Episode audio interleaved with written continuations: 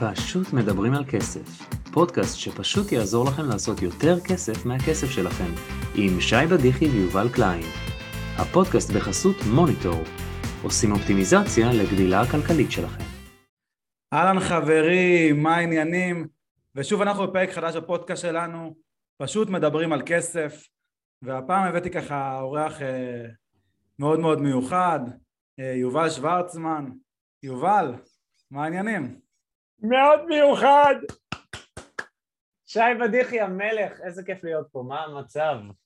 מעולה, מעולה, מה שלומך? טוב מאוד, טוב מאוד. אז היום אנחנו ככה בפרק שהוא באמת מיוחד, אה, אנחנו אף פעם לא עשינו את זה עדיין, לא עשינו אה, פודקאסט שהוא בלייב, אה, כלומר, מה, מה, מה שיוצא אני מרוצה. והפעם אנחנו רוצים ככה לדבר על נדל"ן בישראל, היום אנחנו ב... בתקופה של ריבית עולה, הרבה מאוד אנשים שואלים אותנו כל הזמן, אה, גם במאניטור אנחנו מעדכנים באפליקציה, אגב מי שלא יודע אני אגיד כמה מילים, אה, מאניטור זו אפליקציה שלמעשה מאגדת את כל הנכסים הפיננסיים שלנו למקום אחד, בין אם זה הבנקים, בין אם זה הקרנות פנסיה, השתלמות וכולי, ההלוואות שלנו, קריפטו למי שיש, כמובן גם נדל"ן, אנחנו גם יודעים לתת שווי נדל"ן בצורה אוטומטית, כמובן שהכל זה הערכה ובסופו של דבר המטרה שלנו לעזור לאנשים להגדיל את ההון שלהם באמצעות אה, אוטומציה, באמצעות, אנחנו בעולם טכנולוגי, אנחנו, סליחה על הביטוי ב fucking 2022, אז בואו ניתן לטכנולוגיה לעשות את מה שהיא יודעת לעשות ובואו ניתן לנו להשתמש בשכל שלנו לעשות השקעות הרבה יותר חכמות. שזה הבאתי את, אה, ככה את יובל אה, שוורצמן שהוא מומחה בנדל"ן, אה, לא, לא, לא, לא צריך להכביר אה, כמות העסקאות שהוא עשה, אבל אה, בוא, בוא, בוא, למי שלא מכיר עדיין, אה, בוא תספר ככה קצת את הסיפור האישי שלך, איך התחלת, איך הגעת לנדל"ן, למה דווקא נדל"ן ומה הקשר בכלל לאף האדום הזה שכל הזמן קופץ לך, אז... אבל רגע לפני שאנחנו נמשיך, תעשו לנו subscribe פה למטה כדי שאנחנו נוכל להמשיך לייצר לכם תוכן איכותי ואתם לא תפספסו את הסרטונים שלנו. מאוד חשוב לנו לעזור לכם לעשות יותר כסף מהכסף שלכם. ואם אהבתם את הסרטון, תעשו לנו לייק, או שתחלקו את המחשבות שלכם פה איתנו למטה בתגובות. איזה אף, זה ירוק. טוב, קוראים לי יובל שוורצמן. אה, בשבת הקרובה אני אחגוג 39 קיצים, ומאוד שמח להיות פה איתך, שי יקר. יש לי מלא מה להגיד, אבל אנחנו נהיה מסודרים ואני אתן לך לכוון כדי שנהיה ממוקדים. אז uh, אני שחקן וליצן בינלאומי. בארץ עשיתי את זה בעשור האחרון, ובקרוב לארבע שנים האחרונות, איך הזמן טס, אני כבר עושה את זה באנגליה. יש לי רשת שנקראת סמארט סטארט, שפרוסה בעשר ערים בארץ, שבעצם מה שאנחנו עושים זה עוזרים לאנשים לרכוש דירות להשקעה, ואנחנו בממוצע מלווים בין 100, באזור ה-100-110 משפחות כל שנה לרכישת דירה בארץ. זה ה passion שלנו, זה דברים שאנחנו אוהבים. חוץ מזה יש לנו בית ספר לנדל"ן, שנקרא 100 ימים של נדל"ן, וחוץ מזה יש לנו כל מיני קרנות שאנחנו בעצם בהשקעות קבוצתיות לאנשים שכבר יש להם דירות, נותנים להם אופציה להשקיע כספים בנדל"ן, וביחד קונים אה, בתים, בניינים וכל מיני מבנים. אה, הכל נדל"ן כחול לבן בארץ. אני אישית משקיע גם באנגליה ובארצות הברית כבר הרבה מאוד שנים, אה, אבל מה שנקרא זה סמארט סטארט. אגב, אני מציע שאני קוטע אותך ככה, כי זה בדיוק מתיישב ככה עם מניטור, כי באמת היעד הבא שלנו בתור מניטור זה לפרוץ לאנגליה, אנחנו כבר שם בצעדים ראשונים והיעד הבא הבא זה ככה להגיע לארה"ב, זה עוד יעד יותר רחוק אבל אה, בדיוק כמו בנדל"ן מתחילים מדירה אחת ולא לא מחמש אז גם בסטארט-אפ מתחילים ממדינה אחת ורואים כי טוב ממשיכים לעוד מדינה וכולי וכולי. לגמרי, לגמרי, מדהים. הדבר הכי חשוב שאני אבא גאה לנווה לב בן השנתיים וחודשיים, מאמי שלי, ובעלה של נטלי הנפלאה. אני אספר את הסיפור שלי בקצרה, כדי שיהיה לנו זמן להתעסק בנדל"ן, ובכלל לכל מי שמאזין עכשיו לפודקאסט, בין אם אתם עכשיו איתנו פה ב live ובין אם אתם תאזינו להקלטה, איזה נפלא שיש את הזמן להתעסק בהתפתחות, כשאנחנו מאזינים לתכנים כאלה זה התפתחות, אז uh, נעשה את זה לחיים קטן שי, אני גם מאוד אוהב כל פגישה איתך, זה, זה חגיגה, אז לחיים, לכל מי שאיתנו עכשיו בלייב ולכל מי שיאזין לזה, לחיים, לחיי ההתפתחות שלנו. כמה נפלא ואיזה זכות יש לנו שאנחנו בכלל יכולים לעבוד על, על, על ההתפתחות האישית שלנו. לא טריוויאלי, זה לא זכות שיש לכולם. לגמרי, אני ממש ממש מסכים, זה אחד הדברים שהכי חשובים באמת זה עוד מעט אנחנו נדבר על באמת עולם ההשקעות, אבל קודם כל להשקיע בעצמנו, להשקיע בעצמנו כי בסוף אנחנו שווים כמה שאנחנו נביא את עצמנו לשם, כלומר כמה שאנחנו נתפתח, כמה שאנחנו נשים את הסביבה שלנו שתתעסק באותם עולמות ולשם אנחנו בסוף נגיע. לגמרי, לגמרי. מידת ההתפתחות שלנו, העולם הפנימי שלנו, זה מה שאנחנו נראה החוצה, לא ההפך. טוב, אז אני הייתי איש הייטק יוצא 8200, מאוד לא אהבתי את העבודה בהייטק. באיזשהו שלב הבנתי בצורה מאוד ברורה, אחרי שאחד הבכירים פוטר, שאם אני ממשיך להיות שם, מה שנקרא כסף מזה, באמת כסף מזה, מדבר איתך על ממש להיות מבוסס פיננסית, לא רק לקבל משכורת, מי כמוך מבין על מה אני מדבר, שזה לא הדרך ושהשקעות זה מה שאני צריך לעשות. יצאתי למסע פיננסי בו ניסיתי הרבה מאוד דברים, בנדל"ן ידעתי שפה זה הדבר, מה שנקרא זה הדבר שלי, ובעצם יצאתי למסע בשני קווים מקבילים, שאחד מהם היה לפתח את עצמי כ, כשחקן, כאיש תיאטרון ובכלל כשחקן וליצן ואומן במה, והשני היה לפתח את עצמי כבן אדם שמגיע לחופש כלכלי שהוא מבוסס נדל"ן. זאת אומרת, היה לי מאוד ברור מההתחלה שמזה אני הולך לעשות את, ה, את הכסף שלי, גם מבחינת עליות ערך וגם מבחינת ההכנסות הפסיביות. בשבת אני חוגג בעזרת השם 39, זה, זה אומר שכמעט עשר שנים אני נמצא בחופש כלכלי בדרגה, יש לזה כל מיני דרגות, אבל בוא נגיד החל מהדרגה הבסיסית ביותר ומשם על, עליתי כל כמה שנים, שזה מממן את כל הוצאות המחיה שלי. וזכיתי להגיע לזה על ידי זה שהתעסקתי בצורה מסיבית ברכישת דירות בארץ, בהתחלה קנייה ומכירה, עד שהגעתי למצב שאני כבר לא צריך למכור, אלא רק קונה, וזו ההמלצה שלי לכל מי שמאזין, אם אתם יכולים לצבור דירות, לאורך זמן זה הרבה יותר כסף מאשר קנייה ומכירה. בסדר? טיפ ראשון לערב, תודה.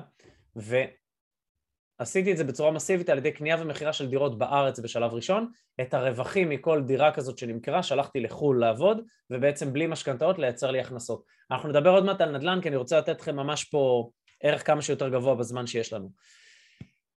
עזבתי את ההייטק, התחלתי ללמוד משחק. במקביל לדבר הזה, עוד כשהייתי בין הלבין, בין ההייטק למשחק, התחלתי לעבוד בשיפוצים ולמדתי נדל"ן לעומק, עשיתי המון המון קורסים וספרים ותהליכים, היה לי גם מנטור נפלא, היה לי כמה. קפצתי למים, ומהמקום הזה התחלתי לטוס קדימה. התחלתי ברכישת דירות בארץ, אחר כך התחלתי לקחת את מרכיבי הרווח מכל דירה שקניתי ומכרתי ושלחתי לארצות הברית, קניתי כל מיני בתים, זה בערך לפני 2012, 13, 14 ואילך, זה היה אפילו 10, 11, זה, זה היה השלבים הראשונים של זה. אמ, אני נכנסתי לעולם הנדל"ן בארץ באזור 2008-2009, וכל הדברים הראשונים היו בעיקר הגדלה הונית. כשאני אומר הגדלה הונית, הכוונה בן אדם שאין לו הרבה כסף ממשכורת או שבכלל לא עובד, והדרך שלו להפוך 100 אלף שקל ל-200 ו-200 ל-400 ו-400 ל-800 ואז כבר למיליון ו, זה על ידי קנייה ומכירה של נכסים. זה כלי נפלא שאפשר לעשות בנדל"ן שנקרא flip או אקזיט, אבל אני חושב שזה כלי שצריך לעשות אותו רק בשלב הראשוני עד שמגיעים למסה קריטית של כסף, ואיתו כבר אפשר לצבור נכסים ולרוץ הלאה. אני חושב שבאופן כללי הנדל"ן צריך להיות חלק מתיק השקעות ולא 100% נדל"ן, ואני חושב שכדאי להיות מושקעים גם בארץ וגם בחו"ל, כאשר אני רואה את הנדל"ן בארץ כהשקעות שהן בעיקר הוניות, והנדל"ן בחו"ל כהשקעות שהן יותר תזרימיות, למרות שגם בחו"ל זה יכול להיות הוני, וגם בארץ זה יכול להיות תזרימי, אבל בהערכה גסה ככה אני מסתכל על הדברים האלה. כשאני עזבתי את ההייטק היעד שלי היה להגיע למשכורת נטו של 9,800 שזה הנטו שאז היה לי. כשהייתי בעבודה הגעתי לדבר הזה קצת לפני גיל 30 שזה היה הדרגה הראשונה עבורי של החופש כלכלי שזה מה שנקרא הדרגה הבסיסית של לממן את ההוצאות מחיה ה-necessary במקביל לכל התהליך שעברתי בנדל"ן, בדירות שרכשתי לעצמי, הלכתי ללמוד משחק שלוש שנים בניסן נתיב. כשהייתי בניסן נתיב הייתי בסיטואציה שכבר היה לי ארבעה נכסים. כל שנה כל נכס כזה עלה ב-100 אלף שקל, זאת אומרת שעשיתי רק מעליות ערך בזמן שהייתי סטודנט למשחק, מעל מיליון שקל, מיליון 200 ליתר דיוק. זה הפיל לי אסימונים מאוד מאוד מאוד קריטיים של כסף לא עושים מעבודה, עושים מהשקעות. וזה משהו שאותי לא לימדו בבית, אני קיבלתי בדיוק את ההפך, באתי מבית כזה של חינוך רוסי, השקעות זה מסוכן, תהיה תלמיד טוב, תהיה זה, תחפש עבודה, תפליג בבטחה עד הפנסיה. כשהייתי בהייטק ואחד הבכירים שממש מהראשונים בחברה פוטר, אמרתי אוקיי, הבנתי. כאילו, לשם אני הולך אם אני לא דואג לעצמי. ומהמקום הזה שגידלו אותי, ש, שביטחון כלכלי זה, זה בדיוק זה, למצוא עבודה ולעשות תואר ו, ולהפליג עד הפנסיה, הבנתי שביטחון כלכלי אמיתי זה קודם כל שאני דואג לעצמי, שאני לא תלוי לא במעביד כזה או אחר או בביטוח לאומי, ואני לא מאחל לאף אחד. זאת אומרת, אני מאחל לכולכם שתהיו תלויים בעצמכם. ואני לא נגד להיות שכיר או בעד להיות עצמאי, זה לא רלוונטי, כל אחד שיעשה מה שטוב לו ומה שמועיל לו, אבל אני כן בעד לקחת אחריות על החיים שלנו. מתוך ההבנה הזאת של החיים שלי עם אחריות שלי, התחלתי לעשות דברים אחרת. חלק מאוד מאוד מאוד מאוד נכבד בתהליך שלי היה עולם ההתפתחות האישית שזכיתי להיחשף אליו כשהייתי איש הייטק, בעיקר לבוב פרוקטור, זיג זיגלר, ג'ים רון, טוני רובינס, בעיקר בוב פרוקטור, שפשוט שינו לי את החיים, אין לי, אין לי מילה אחרת. כאילו, אני, אני, המציאות שלי כיום נבעה מתובנות שנבעו מהחוכמה של האנשים האלה וההאזנה העקבית שלהם במשך כל יום, כל יום, כל יום במשך תקופה מאוד ארוכה, ועד היום. היום בקהילה שלי של ליצנות כלכלית, שכולכם מוזמנים בפייסבוק וביוטיוב שלי ובאינסטגרם ובכל המקומות שאני מעלה תכנים, אני תמיד אומר, שטיפה מנטלית, זאת אומרת, כל יום לפחות עשר דקות של השקעה בעצמנו של התפתחות אישית. אני באמת רוצה, רוצה רגע לעצור אותך שנייה, האמת שאתה אמרת משהו, זה בדיוק התחבר לי לאיזושהי הודעה שקיבלתי היום, אה, שעוד לא התעמקתי בלהגיב עליה, אבל מישהו רשם לי אה, שהוא הגיע למסקנה שככל שהוא עובד יותר שעות, ככה הוא מרגיש שהוא מתרחק מלהיות עשיר. זאת, זאת אומרת ש... למעשה מה שאמרת קודם, הקטע, הקטע למעשה עם ההשקעות, זה בדיוק מה התובנה שהבנת, שזה מעניין שזה, בדרך כלל יש לך את הצ'יצ'ינג הזה שאתה ככה מכה שיש תובנה, אז, אז אה, זה לפעמים תובנה שאנחנו מקבלים אותה באיזשהו שלב, אוקיי? אז... צ'יצ'ינג! אז זה תובנה שנופלת שמלעבוד בעבודה אנחנו כנראה לא נבנה את ההון הגדול שלנו, זה חשוב לעבוד בעבודה, זה, זה חשוב לפתח את ההון הראשוני, אבל בסוף הכסף הגדול אה, הוא יכול להגיע בעיקר מהשקעות, יכול להיות גם עסק מאוד מצליח, אבל לא, לא מהדרך הטריוויאלית. כלומר, אנחנו כן נצטרך לעשות איזה שהן פעולות, אה, והיום במיוחד אה, אה, אפשר להסתכל שלמשל אה, העיר תל אביב היא העיר הכי יקרה בעולם, אז אה, בואו בוא נלכה למחיאות כפיים סוערות, לפחות במשהו אחד אנחנו אה, מקום ראשון, אבל יקר פה, אין מה לעשות, יקר פה ואנחנו חייבים להשקיע, זה, זה לא אופציה, זה לא פריבילגיה. אין לנו אופציה לבחור אם להשקיע או לא להשקיע, רק נותר לנו לדעת שאם אנחנו חייבים להשקיע, לפחות בואו נרכוש את הידע או את המיומנות או בעל מקצוע, זה לא משנה, אבל נרכוש משהו שיעזור לנו להתקדם כדי להשקיע בצורה נכונה, שלא נעשה טעויות, כי בסוף אם אנחנו לא נשקיע אנחנו לא נצליח. לגמרי, אני חושב גם שהרבה מאיתנו גודלו בחינוך הלא נכון, שהשקעות זה מסוכן, ואני חושב שלא להשקיע זה הרבה יותר מסוכן, להיות תלוי במעביד אחד, שפתאום ביום בהיר אחד מפטרים אותך, או, את הבת זוג שלך, או את הבן זוג, זה, זה קשוח, אני לא מאחל את זה לאף אחד, גם בקורונה, כאילו הרבה אנשים קיבלו כף על הפנים, שאמרו כן, אני בעבודה בטוחה, זו חברה חזקה, כאילו אין, אין דבר כזה, אנחנו צריכים לדאוג לעצמנו. אני יצאתי למסע שלי של רכישת דירות, שכל מה שרציתי היה בעצם שיהיה לי מימון ואני אוכל להיות שחקן תיאטרון בלי דאגות כלכליות. למדתי שלוש שנים בניסיון נתיב, איך שסיימתי, ברוך השם, אמ, התחלתי לעבוד בתיאטראות מקצועיים, גרתי אז, עברתי לירושלים ללימודים האלה, ומשם, מהנקודה הזאת המשכתי לגור בירושלים ולעשות תיאטרון מקצועי. במקביל התחלתי לעזור לחברים מהכיתת משחק לקנות דירות, שלוש שנים הם שמעו אותי טוחן בשכל על הדברים האלה. ומהדבר הזה זה התגלגל לחבר שהביא חבר שהביא חברה, וככה נוצרה סמארטסארט אגב, ככה התחלתי לעזור לאנשים לקנות דירות, זה פשוט היה עזרה לחברים ולחבר'ה מהתיאטרון בכל החודשים הראשונים שעשיתי את זה, וזה פשוט טפח. פשוט הדבקתי אנשים בדבר הזה שאני ראיתי וזכיתי להיחשף אליו בגיל צעיר, שהנדל"ן יכול להיות משנה חיים מבחינה כלכלית. זה לא רק כלכלית, כי זה גם, כי כשאתה בטוח כלכלית זה נותן לך עוגן וגם ביטחון וסוג של רוגע כזה גם לדברים אחרים שאתה מרשה לעצמך לעשות, אבל זה כבר לרעיון אחר אם תרצה שנעשה פודקאסט על, אה, על being ועל התפתחות. אמ, במקביל לתיאטרון פיתחתי את העסק וב-2018 נסעתי לאנגליה להגשים עוד חלום של לימודי משחק בחו"ל, שהרבה זמן, מאוד זמן רציתי את זה, אה, עשיתי פה שנתיים של Master of Fine Arts, סיימתי את זה לפני כמעט שנתיים, הוצאתי ויזת אומן לשמחתי, ומאז אני גר באנגליה ומנהל את כל העסקים שלי בארץ מכאן. אמ, אני כאילו עשיתי לי פה רשימת נקודות שאני רוצה להעביר לגבי נדל"ן, אני חושב שהדבר המהותי ביותר שחשוב שאנשים יבינו, אני, בוא נגיד ככה, נתחיל עם חבר'ה ששומעים אותי עכשיו ואין להם דירה, כמה שיותר מהר לקנות דירה. אתם, אני מדבר על אזרחי ישראל, אין לכם דירה עדיין, זה אומר ששלושת רבעי מהכסף של הדירה יבוא מהבנק, אין לכם מיסים בקנייה אם אתם קונים דירה עד לבערך שתי מיליון, אם החזקתם אותה לפחות שנה וחצי ורק אז מכרתם, אין לכם שום מיסים במכירה. תבינו מה אני אומר פה בעצם, בן אדם שחסך, ובכלל, כל העניין הזה של לחסוך כסף, חשוב להבין, זה השלב הראשון. אני עובד עבור כסף. כמה שיותר, וכולנו יודעים את זה, כמה שיותר מההכנסה שלי אם אני חוסך ומשקיע, אני יכול לגדול כלכלית. אנשים שכל ההכנסה שלהם לא הולכת, מה שנקרא, כל מה שנכנס, אני לא מדבר על מינוסים, זה בכלל, אבל אנשים שלא חוסכים, ההכנסה וההוצאות מתקזזים, קשה להם להתקדם. הנוסחה, הנוסחה הזאת של המכונת כסף היא מאוד מאוד פשוטה. אני מכניס יותר ממה שאני מוציא. מההפרש הזה אני משתדל להשקיע כמה שיותר. אז אם אני מכניס עשר ואני מוציא חמש, סתם דוגמה, ומתוך החמשת אלפים שנשארו אני משקיע, לא יודע מה, אלפיים או שלושת אלפים, אני יכול גם לדבר על איך אני מחלק את זה באופן אישי ו- ודברים שלמדתי ממיטב המנטורים. עכשיו הייתי בסדנה של טוני של ארבעה ימים, זה היה פסיכי, בנושאים האלה, טוני רובינס. אז אם אני לוקח לדוגמה מהחמשת אלפים שקל האלה, שלושת אלפים, ואותם משקיע, ואני מדבר על השקעות הכי פשוטות של, אה, לא יודע מה, שי, אתה מאוד אוהב את שוק ההון, אתה תותח בשוק ההון, אז, אז נגיד עוקבי מדד למיניהם, בין אם זה בפוצי או ב-S&P 500 או בתל אביב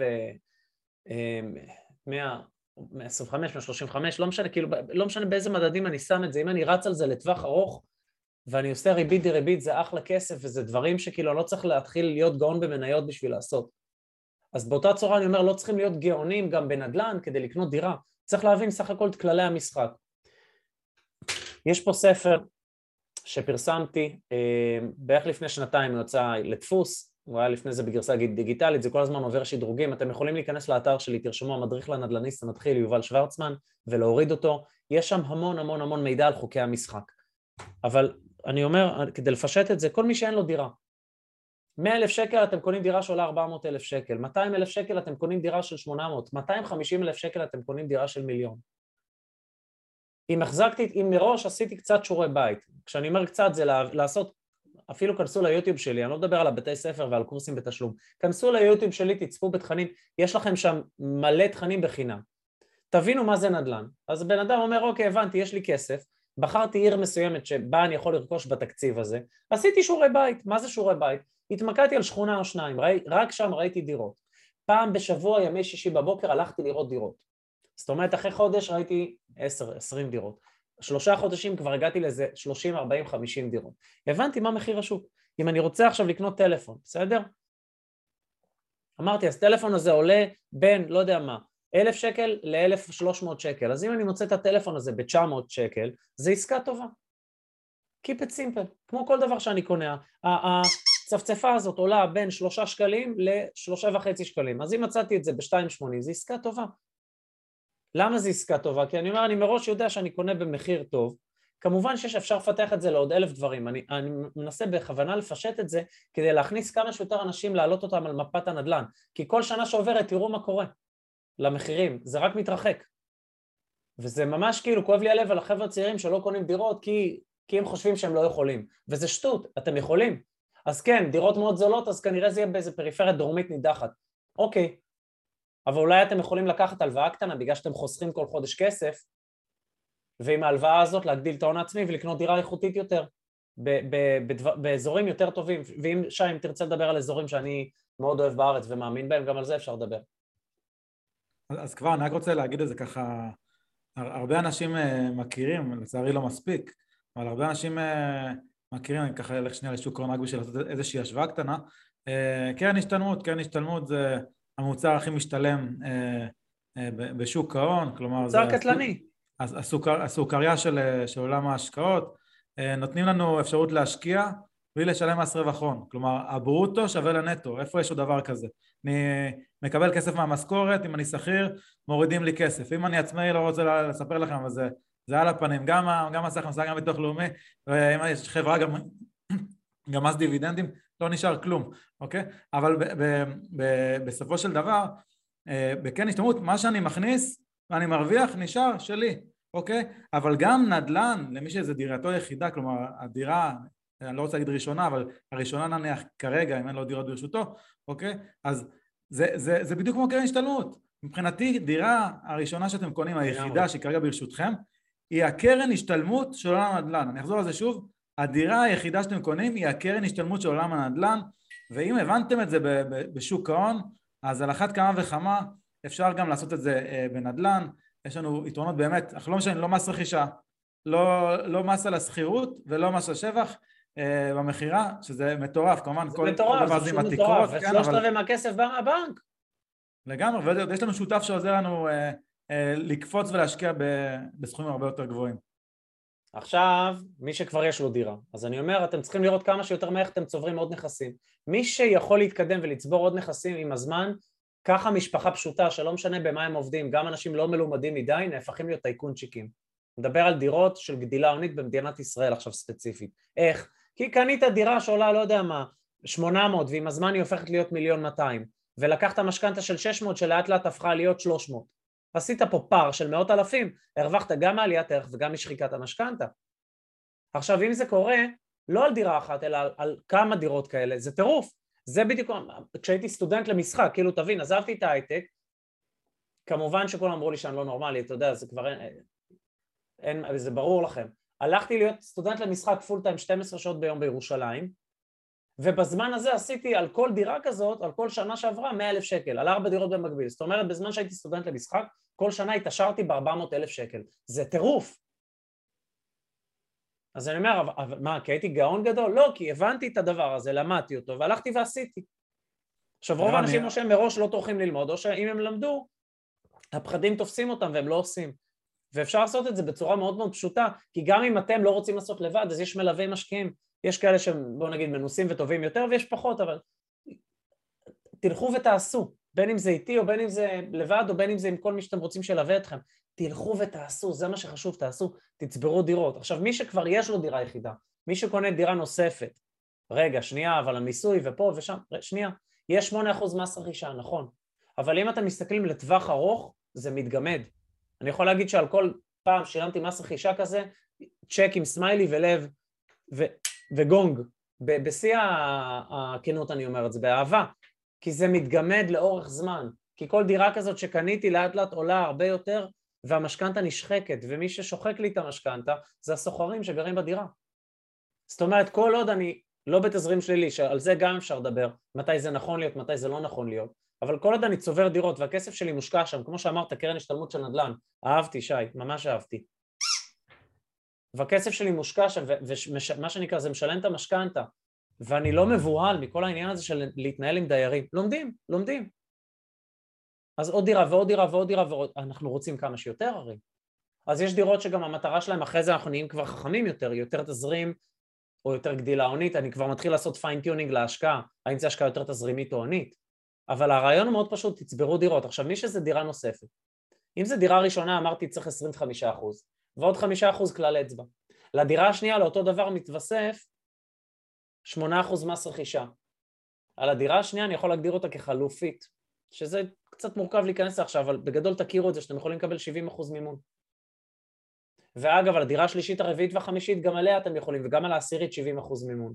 רק לא מהבנק, מהבנק אתם לוקחים 50 אחוז, ו-20 אחוז מהלוואות משלימות. ההבדל בריביות הוא לא גדול. זאת אומרת, תאורטית, על כל דירה שאני קונה, אני יכול לקחת 70 אחוז מימון. מה שחסר לי זה 30 אחוז הון עצמי, 5 אחוז הוצאות, 8 אחוז מס רכישה, סך הכל 43 אחוז. זאת אומרת, במילים אחרות, יש לי 430, קניתי דירה במיליון. ש-70 אחוז בא מהבנק, ושאר הכסף זה להוצאות המשלימות פה. כשיש לנו פה לדירה יחידה חמישה אחוז עלויות נלוות ולדירה שאינה יחידה חמישה ועוד שמונה שזה המס רכישה. אני מקווה שזה לא היה, לא היה מהיר מדי וזה היה פשוט מקסימום, יש לכם את זה מוקלט, זה פודקאסט, אתם יכולים להאזין שוב ושוב. אבל הרעיון זה שתצברו דירות. עכשיו בן אדם שאומר רגע שנייה אני לא עובד, אני לא חוסך טוב, אני, אני לא יכול להתקדם בלצבור עוד דירות, אין בעיה, אז תישאר על דירה אחת, תקנה ותמכור עד שתגיע למסה קריטית של כסף. יש אנשים שזה יהיה חצי מיליון, יש אנשים מיליון ויש אנשים שירצו חמש. ומהנקודה הזאת תלך ותצבור דירות. אבל אני אומר, היעד צריך להיות להגיע לספירה הזאת של אנשים שהם צוברי דירות, ולא למקום של הקנייה, מכירה, קנייה, מכירה, קנייה, מכירה. אני היום, אני, אני, אני עושה תיאטרון פה באנגליה, ברוך השם, ואני מתעסק בליצנות, ואני מנהל את העסקים, ואני עוזר להמון אנשים לרכוש דירות, ומלמד אותם גם התפתחות וגם נדל"ן, בתוכנית שלנו של 100 ימים של נדל"ן, עם שותף נפלא בשם גיא מנדלסון, ואני אני כאילו, אני אומר, אני מוקיר על הדבר הזה תודה ענקית, ואני לפעמים שואל את עצמי, כאילו, איזה כיף שזה בא לי בגיל כזה צעיר, והרבה פעמים אני חושב, זה לא רק כיף, זה גם אחריות, כי אני צריך להעביר את זה הלאה. ואני אומר, נגיד עכשיו הפודקאסט הזה זה עוד הזדמנות להעביר את זה הלאה. אז כל מי ששומע אותי עכשיו, חבר'ה, העצה הכי טובה שאני יכול לקחת לכם, לתת לכם מעבר להתפתחות אישית וצמיחה, ולקחת אחריות על החיים שלכם, זה תתחילו לקנות דירות. למי שעדיין לא על מפת הנדל"ן, תיכנסו כמה שיותר. תעזבו אתכם מכל הכתבות האלה והרעש בתקשורת וכל הפקה פקה, זה רק מבלבל אותנו. תקנו דירות. תתחילו בדירה אחת, משם או שתעשו אקסיט או שתתגלו, גלגו, או שתצברו עוד דירה, תתגלגלו ותגדלו הונית. ולהפסיק לחכות שמישהו יעזור, או, י... או לא יודע מה, המחירים ירדו, שר הממשלה, שר האוצר, זה לא רלוונטי, זה כמו להגיד, היום אני לא יכול כי יש בחוץ מזג אוויר כזה או אחר, זה לא רלוונטי. אז אם יורד גשם, אני שם מטריה, אני שם מעיל. לקחת אחריות על החיים שלנו ולעשות, לעשות, לפעול, ולהבין שזה הרבה יותר פשוט ממה שחושבים. אז אתם רוצה... יכולים לשמוע פודקאסטים בנושא, ואתם יכולים לקרוא ספרים בנושא, כאילו, רק צריך להקדיש לזה, אתה יודע, את ה-20 דקות, חצי שעה ביום, ואתם כאילו, תוך כמה חודשים אתם במקום אחר לגמרי. אני רוצה, אני רוצה שוב לעשות פה איזושהי הגבלה, ככה שוב לעולם של שוק ההון, כי אני נתקל בזה הרבה אנשים שככה מגיעים אליי לייעוצים, אז uh, אני תמיד אומר דבר כזה, בסוף יש, יש לנו הרבה, הרבה דרכים uh, לעשות דברים. Uh, uh, לצורך העניין, אם uh, uh, עכשיו יש לי נזילה בבית או איזושהי סתימה, וסליחה על הביטוי, לא בא להתעסק בחרא, אוקיי? אז אני אזמין אינסטלטור, אוקיי? אני אשלם לו ממיטב כספי, כמה שצריך, 100, 200, 300, 500, כמה שהוא ירצה, כי אני לא רוצה להתעסק בזה, והוא יתעסק בזה. נכון. אוקיי? ואני בינתיים יכול לעשות משהו אחר, אוקיי? עכשיו זה נכון, נכון ב, ב, בכל תחום בחיים, גם לצורך העניין בשוק ההון לדוגמה, אני יכול להשקיע בעצמי, בשביל זה אני צריך ידע, אני צריך גם קור רוח, אני צריך גם סבלנות, אוקיי? אני צריך אה, להתעסק בעצמי, להבין על מה אני לוחץ בתוכנה או למי אני מתקשר אה, בחדר מסחר אם, אם אני לא בא להתעסק עם תוכנות. אני צריך להבין מה אני עושה, אבל אני יכול גם לא להבין מה אני עושה. אני יכול לשלם למישהו אחר, שזה כל מה שאנחנו מכירים, קופות גמל להשקעה, קרנות השתלמות, הקרן פנסיה שלנו למשל, שבתמורה לדמי ניהול מסוימים, מישהו אחר שזה המקצוע שלו, הוא קם בבוקר, כמו שאני קם בבוקר, להיות עורך דין, להיות רופא, אה, להיות הייטקיסט, אוקיי, אז הוא קם בבוקר לנהל לשי את הכסף, הוא מקבל על זה דמי ניהול, וזה בסדר גמור. אז אותו דבר בנדל"ן, אני יכול להחליט שאני רוצה, שוב סליחה ביטוי, להתעסק בחרא, זאת אומרת שאם עכשיו אה, הסוכן מתקשר אליי, ותאמינו לי, קרה לי כמעט כל דבר אפשרי שיכול לקרות אה, בדירה, אה, נפלה לי תקרה מגבס בתוך החדר, והיה לא נעים להתעסק עם זה עם איזה סבתא של אחד הדיירים, ואני בכלל הייתי צריך לטוס לחו"ל, ומה עכשיו אני אתעסק עם דירה עם, עם גבס, זה בכלל מרחק של שעה נסיעה ממני. אז שילמתי למישהו שיסגור לי את הפינה. אמרתי לו, שמע, אתה מסדר את זה, מוריד ממני את העול הזה, וזהו, קח כמה שאתה רוצה, ו- ואני טס לחו"ל, כי אני, אני רציתי לטוס לחו"ל. אז בסופו של דבר, כל דבר אפשר לפתור בסופו של דבר באמצעות משאב, או זמן או כסף או שילוב שלהם. זה נכון בכל תחום בחיים. אז גם בנדל"ן אפשר להחליט שאתם צוברים ידע ומנסים בעצמכם. אתם uh, רואים דירות, אה, בבוקר, בצהריים, בערב, באזור מסוים, רושמים בתאוות אקסל, מדברים עם הסוחר הזה, מדברים, דופקים בדלת הזאת, מדברים עם המתווך הזה, אה, מדברים עם הזקנה שעוד רגע כבר אולי לא תהיה איתנו ובסופו של דבר כל הידע אצלכם, אבל השקעתם המון זמן וזה בסדר, אוקיי? אם אתם רוצים לעשות המון המון דירות יכול להיות שזה אחלה של דבר, אולי אפילו תהפכו את זה בסוף לעסק אבל אם אתם רוצים לעשות רק, רק דירה אחת, יכול להיות שאין לכם זמן לזה, אתם משפחה עם ילדים, יש לכם שלושה ארבעה ילדים לטפל בהם, אוקיי? או שאתם בכלל לא, לא רוצים להתעסק בזה, וזה גם בסדר. אפשר לשלם מישהו שיסגור לנו את הפינה, או מישהו שיעשה את כל התהליך, אוקיי? זאת אומרת, אה, אה, כמו דבר יש גלגלי לצורך העניין. להכל. בין אם זה ברמת המישהו שיבנה לכם תוכנית, ילווה אתכם, ימצא לכם, ישפץ, משא ומתן, יזכיר, כמו שאנחנו עושים, גם ברמה של ניהול נכס למי שאין לו זמן ולא בא לו להתעסק עם הדיירים. כאילו זה יכול להיות שגר ושכח, כמעט ברמה של קרן השתלמות. לגמרי. אז קודם כל היה חשוב לי להגיד את הנקודה הזאת כי זה בשוק ההון זה מאוד, מאוד קל לנו להבין כי כולנו משקיעים בפנסיה אם אנחנו רוצים ואם אנחנו לא אה, כי זה פשוט חוק חובה ובנדל"ן לא, לא בהכרח כולנו משקיעים אוקיי? אה, מעבר לזה אני רוצה ככה להפוך קצת את, ה, אה, את הפרק הזה שהוא יהיה גם טיפה אקטואלי ולכן אני ארצה יאללה. ככה לשאול שאלות שהן יותר, יותר, יותר אקטואליות אז יובל אנחנו כרגע ב... סביבת ריבית עולה. רגע, הכנתי לך קטע, הכנתי לך קטע. אני רוצה להזמין את הקריין שלנו, מושיקו צ'יקו ביקו. הריבית עלתה מ-0.1% ל-0.75% במצטבר בשני העלאות האחרונות, שהיו ב-10 לרביעי וב-23 לחמישי. כאשר השינוי המצטבר הינו עלייה של כ-32 ש"ח על כל 100 אלף במסלול הפריים. לדוגמה, למי שיש משכנתה של 900 אלף ש"ח, כאשר מתוכה 500 אלף שקלים בפריים, ההחזר החודשי עלה ב-150 שקלים. הצפי קדימה שהריבית תעלה עוד כאחוז אחד, שיגלם עוד עלייה של כ-50 שקלים על כל 100 אלף בפריים. לפי הדוגמה הקודמת, ההחזר צפוי לעלות בעוד 250 שקלים. הריבית עלתה, שי. תודה צ'יקו מיקו. הריבית עלתה. אז מה זה אומר? זה אומר שהכסף שלי עכשיו יקר יותר, זאת אומרת, הוא עולה לי קצת יותר. האם זה שווה לי יותר או פחות להשקיע בנדל"ן? בדירה ראשונה בכלל אין מה לחשוב, אין מה להתלבט. בדירות נוספות, גם דירה שנייה בעיניי אין מה להתלבט. שלישית, רביעית ואילך, אני אומר, וואלה, מה האלטרנטיבה שלי? וכשאני מסתכל על מה האלטרנטיבה שלי, אני לא מדבר על השקעות שאני שם כסף אצל יזמים, וגם אנחנו עושים השקעות כאלה, אבל אני לוקח את זה רק ממשקיעים שכבר יש להם דירות, לא ממשקיעים שעוד אין להם דירות. כי אני חושב שאם לשי, לדוגמה, אין עכשיו דירה, והוא לוקח ושם 300 אלף שקל שהוא חסך, במקום לקנות דירה במיליון שקל כדירה יחידה, שהוא ייהנה מעליית ערך ושחיקת משכנתה, אלא הוא פשוט נותן את זה ליזם ומקבל על זה 6, 7 או 8 אחוז תשואה, זה כלום. זה כלום. כי אחרי חמש שנים, גם אם קיבלת 8 אחוז לשנה, שזה יצא לך פה 40 אחוז על הכסף, זה 40 אחוז מ-300. ואני אומר, עזוב, בוא תרוויח רק 20 אחוז, אבל ממיליון. אתה מבין? אז אני אומר, קודם כל, לקנות דירות. אז אני אומר, על דירה יחידה, ממש לא רלוונטי. גם אם היא תמשיך לעלות עוד ועוד, לא רלוונטי. לא רלוונטי. על דירות נוספות אני כבר אומר, אוקיי, השאלה, אם זה תזרימי, אז כמובן שזה רלוונטי, כי אם, לא יודע מה, אם השכירות פחות החזר המשכנתה יצא לי אלף שקל ועכשיו יצא לי רק 500 שקל או 600 או 700, כן. אז אם יש לי השקעה אחרת שהיא יותר תזרימית, כמו לתת ליזם כסף ולקבל תשואה, בסדר. אבל לדירות היחידות, ובכלל מי שאין לו לפחות שתי דירות, לא, לא הייתי נותן לזה בכלל להשפיע. גם חבר'ה, זה מה שישפיע? עוד 100 או 200 או 300 שקל בחודש? זה מה שצריך להשפיע פה? מה, ש, מה שבאמת צריך להשפיע בתמהילים של המשכנתה, זה איך אתם, מה שנקרא, מגדרים את עצמכם, שהקרן לא תגדל, כי שם כל עלייה זה בוכטה של כסף. ההחזר החודשי זה כסף קטן, שי. אז לגמרי, אני רוצה רגע להתעכב באמת על העניין של המשכנתה, ככה, להגיד את מה שאמרת ככה במילים קצת אחרות. יש לנו אה, אה, שתי אופציות עיקריות שאנחנו אה, צריכים אה, להישמר בפניהם כשאנחנו לוקחים את המשכנתה. משכנתה זה למעשה הלוואה שעוזרת לנו אה, לקנות את, את הדירה. אז אחד זה עליית ריבית, עליית ריבית משפיעה בעיקר על מסלול הפריים, אוקיי, שזה אחלה של מסלול, אין קנסות, כלומר אנחנו יכולים להחזיר אותו מתי שאנחנו רוצים, וכמו שאמרת, העליות האלה זה, כרגע לפחות הן יחסית שוליות, זה כמה מאות שקלים במקרה הטוב אם לקחנו משכנתה מאוד גדולה.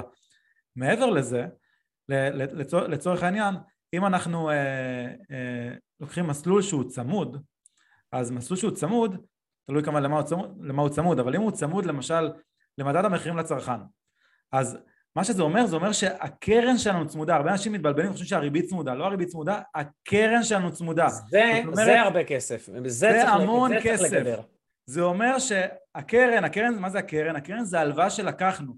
למעשה ההלוואה שלקחנו, אז אם היא צמודה למדד המחירים לצרכן, כלומר המדד מת, מתייקר, אוקיי? כלומר המחיה שלנו היא יקרה פה, לפני, פתחנו קודם, אמרנו שתל אביב זו העיר הכי יקרה אה, בישראל, אז, אז לצור, לצור, בישראל אני אומר, בעולם, סליחה, אז, אה, אז לצורך העניין... ובישראל. גם בישראל, נכון? אז זה אומר שהקרן שלנו אה, גדלה, תחשבו איזה, איזה מטורף, זה נגיד לקחנו על אה, משכנתה של 300 אלף שקלים, שילמנו, שילמנו, שילמנו, שילמנו, ומה קרה אחרי שנה? אנחנו חייבים 330 אלף שקלים. כלומר, שילמנו שנה שלמה, החזרנו את הקרן, החזרנו את ההלוואה, ולמעשה אנחנו חייבים יותר כסף, זה מטורף. על זה אתם צריכים, צריכים לגדר, מזה אתם צריכים להישמר. מעליית הריבית, שאתם גם יודעים שהיא תקרה, אוקיי? אז, אז תעשו סימולציות. תגידו, אוקיי, אם זה יעלה, יעלה ב-0.25 אחוזים, אם זה יעלה בחצי אחוז, אם זה יעלה באחוז, אז תערכו לזה, אוקיי? אולי תקנו דירה, אם, אם אתם לא יכולים לעמוד בזה, אה, פחות אה, מפוארת, אה, יותר זולה, שהמשכנתה פחות יקרה. כלומר, תעשו את הגידור שלכם מראש על הדף, באקסל, במאניטור, לא משנה איפה, אבל העיקר תעשו את כל הסימולציות האלה לפני שאתם נכנסים להרפתקה, וגם אני אגלה לכם סוד, כל דירה אפשר למכור, אוקיי? נכון. אה, זה הכל עניין של מחיר בסוף, אז תמיד אפשר למכור אותה, אם הגעתם למצב שאתם לא יכולים יותר, אז אפשר להתפשר טיפה על המחיר ולמכור, אבל בעולם שבינתיים, אוקיי, אנחנו לא נביאים, לא יודעים מה יקרה עוד חודש, עוד חודשיים, עוד שנה, בעולם שבינתיים ה- ה- הדירות עולות בקצב די מטורף, אוקיי, אה, יש להגיד, אה, בישראל, אז גם אם תמכרו ותרוויחו 50 אלף שקל פחות, אפילו 100 אלף שקל פחות, וזה יוציא אתכם ה... לא לישון בלילה, אם זה מה שמטריד אתכם, אז הכל בסדר. אני חושב שאם עושים שיעורי בית ומראש קונים דירה במחיר טוב, אני עוד לא מדבר בכלל לשדרג את עצמך עם, אה, עם מישהו תותח שיעשה לך שק קמח. מדבר על אה, לעשות שיעורי בית ולקנות דירה במחיר טוב. לקחת יועץ משכנתה מנוסה שייתן לך משכנתה טובה, ומראש לקנות דירה שלא צריך יותר מדי להתעסק עם שיפוצים ועם כל הבוג'רס הזה, לקנות, לדגור, להחזיק, זה הרבה מאוד כסף. זמן ונדל"ן הם חברים מאוד מאוד טובים. מה גם הייתי מוסיף לזה, שי, טיפ לחבר'ה, לכל דירה כזאת שימו לכם בצד בפק"ם קטן, כמו חשבון חירום פר דירה. לכל דירה שלי יש פק"ם נפרד לאותה דירה. שלושה עד שישה חודשי שכירות. זאת אומרת, יש לי תיקונים, בלת"מים, צריך להחליף דוד, צריך להחליף פה, הדייר יצא, הדירה ריקה. יש לי איך לשלם את השכירות בלי להיות בלחץ. ובכלל, גם לחיים, במקרו, לתא המשפחתי, שיהיה לכם חשבון כזה. לא יודע מה, הילד, הילדה, הרכב, הג... שתמיד הרי החיים, זה, זה, זה החיים הרי, כל, כל מה שלא מתוכנן. אז תמיד שיהיה לנו את הדברים האלה בצד, בשביל כל הבלת"מים האלה. כשצריך משהו, יש לי את זה, אני לא מופתע. אני חייב לעשות רק שנייה אחת, כי אמרת זה החיים, זה פשוט הקפצת לי ככה איזו סיטואציה שבאמת קורית לי מלא אנשים שאני נפגש איתם. אחד הדברים שאני מבקש באמת, כשאני נפגש עם אנשים, שיגידו לי, או יגידו יותר נכון לעצמם, אני רק, אני רק בא לעזור, אה, כמה הם אה, מצליחים באמת לחסוך אה, בחודש. זאת אומרת, להסתכל על ההכנסות וההוצאות, הכנסות זה בדרך כלל, אצל רוב האנשים הם לא עצמאים, זה די קבוע, אבל, אבל על ההוצאות, ואז מה, מה בדרך כלל אומרים לי? שמע שי, החודש היה לי חודש לא רגיל, קנינו ספה. ואז אני אומר אוקיי, ואז אומרים לי, אבל חודש שעבר קנינו רכב. וחודש לפני זה היינו בחו"ל. אמרתי להם, תקשיבו, מה שאתם מספרים זה החיים. באותו רגע הייתי מפסיק את השיחה, את השיחה בזום, באותו רגע. חבר'ה, זה לא בשבילי. כל, כל חודש קורה משהו, זה החיים. אוקיי, פה היה סתימה, ופה היה טיפול שיניים, ופה... לא, לא, אבל זה, זה, חוסר, זה לרוב חוסר משמעת עצמית ופינוקי וחייטובסקי. אני לא מדבר על חייטובסקי. אני, שזה בדרך כלל מה שנקרא, אני עכשיו אוכל את הפירות במקום שאני אוכל פי עשר בעתיד. הרי מה זה להיות עשיר, האיש העשיר בבבל, זה, המשמעת על הכסף. זה לא לאכול את התפוח עכשיו, זה לשתול אותו, לחכות בסבלנות, יהיה לי עץ, ואז יהיה לי תפוחים לכל החיים, כל עונה מחדש. אבל אני לא מדבר על זה, אני מדבר על אנשים שכן מתנהלים נכון, באחריות ובמשמעת עצמית ודחיית סיפוקים, אבל יש את הבלת"מים של החיים, לזה אני מתכוון, שהחיים זה כל הדברים האלה שאנחנו לא תמיד צופים, וזה בסדר, אז בשביל זה שיהיה את החשבון חירום הזה, שלא יפתיע אותנו שום דבר, הפק"ם בלת"ם הזה. מה, מה אמרת למשפחה הזאת אגב? לא, זה, זה לא משפחה ספציפית, זה, זה, זה הרבה משפחות ככה. אז אני, אז נכון. אני בדרך כלל מה שאני אומר במצב כזה, אז במקום לקחת שלושה חודשים אחורה, תיקחו שנה אחורה. שנה אחורה אין לכם תירוצים, זה באמת החיים שלכם. אוקיי, קחו שנה אחורה, תעשו ממוצע, תראו כמה אתם אה, מוצאים בחודש, וזה משהו שהוא די משקף. בוא רגע, אם כבר עלה הנושא הזה של חשבון חייטובסקי, אני רוצה לתת איזה כמה טיפים. אם נגיד הכנסתי עשרת אלפים שקל והוצאתי חמשת אלפים, סתם דוגמה שרירותית, ונשאר לי חמשת אלפים שקל. אלף שקל מעשר, לא לדבר בכלל, אתם רוצים להיות עשירים, אתם צריכים קודם כל לתת. לא בשביל להיות עשירים, בשביל, על הזכות שיש לכם לתת. זה, זה, זה חוק קרמי, בכל דת החוק הזה מופיע, לא להתווכח איתו בכלל. הלאה. עשרה אחוז לחשבון הזה של הפק"ם בלת"ם. זאת אומרת, כל הדברים האלה שיכול להיות שאני אצטרך, הפתעות, רכב, תיקונים, לא יודע מה, שיהיה לי לחשבון המשפחתי. עשרה אחוז הבאים, חשבון חייטובסקי, לייפסטייל. אני רוצה ספה חדשה, אני רוצה טיול בחו"ל, אני רוצה, לא יודע מה, קעקוע של דרקון מהעקב עד האוזן, whatever, אצל איזה זה. אני מפקיד, זאת אומרת, רק שיש בה, לכל דבר כזה זה פק"ם נפרד. רק כשיש בפק"ם הנפרד הזה כסף למטרה הכלכלית הספציפית שבא לי, זה לא צריך, זה דברים שבא לי, בין אם זה ג'יפ, או ג'יפון, או טיול, או כל דבר שבא לי, רק כשזה הגיע לסכום, בין אם זה 10,000, 100,000, מיליון, רק אז אני עושה את זה. וזה עוזר לי לשמור על משמעת עצמית. ה-20% הנותרים זה לחשבון ההשקעות, ואם אנחנו יכולים להגדיל את ה-20% האלה ליותר ולשים באחרים פחות, בעיקר על חשבון החייטובסקי, לתקופה מסוימת, זה יתגמל אותנו בטירוף בעתיד. זה ממש משל התפוח, במקום לאכול אותו עכשיו, שזה מה שרוב האנשים עושים, אפס דחיית סיפוקים, שותל אותו באדמה, אחר כך מקבל פירות בסבלנות, אחרי שטיפחתי את העץ הזה, שכל עונה מחדש נותנים לי. אני תמיד אומר, אל תבזבזו את הכסף. גם לא את הילדים של הכסף, אבל את הנכדים והנינים, תתפנקו. זאת אומרת, הכסף הלך לעבוד, חזר עם ילדים, גם אותם להשקיע. חזר לי עם נכדים, גם אותם להשקיע. תנינים, חלק כבר תשקיעו כי יש לנו הרבה, תחשבו שזה כמו צבא שגדל, וחלק תתפנקו. ואז אתם גם, אין גם את המקומות האלה של הרגשות האשם עם הכסף. כי זה, זה לא התפוח, זה כבר, התפוח הפך לעץ שכל עונה מביא תפוחים. כל חודש נכנס שכירות מהרבה מאוד נכסים, גם בארץ וגם בחו"ל. אז אני אומר, וואלה, את הכסף הזה אין לי בעיה לתרום, לעזור, לתת, לעשות הרבה דברים, לפנק את עצמי, לפנק אנשים אחרים. אבל את, את, את הכסף המהותי, הגרעין, הצבא ההתחלתי שאיתו אנחנו מתחילים, אותו צריך לטפח בטירוף. וזה, וזה זמן וזה תחילת סיפוקים. כאילו, רוב האנשים יגידו, מה עכשיו אני, אני אעשה את זה כדי שבעוד עשר שנים... כן. אחרת בעוד עשר שנים אתה תימצא בדיוק, ואת ואתה, במקום שאתם היום. אז אם עכשיו אני לא עושה דברים אחרת, אם אני עכשיו לא אזרע את, את העצים האלה, אז לא יהיה לי עצים בעוד עשר שנים, לא יהיה לי את הפירות. וכן, זה מצריך משמעת עצמית ותחיית סיפוקים, אבל גם כשאתם יודעים את הלמה שלכם, כשהוא מספיק חשוב, ואני לא מדבר רק על אנשים ששונאים את העבודה שלהם, כמו שאני הייתי כשהייתי בהייטק, שאמרתי, די, אני לא יכול, זה לא בשבילי. זה לא מה שבאתי לעשות פה בגלגול הזה. אני לא מדבר על זה, אני מדבר גם על אנשים שסבבה להם בעבודה, אבל מפחדים שיפטרו אותם, או רוצים ליצור עוד עוגנים כלכליים.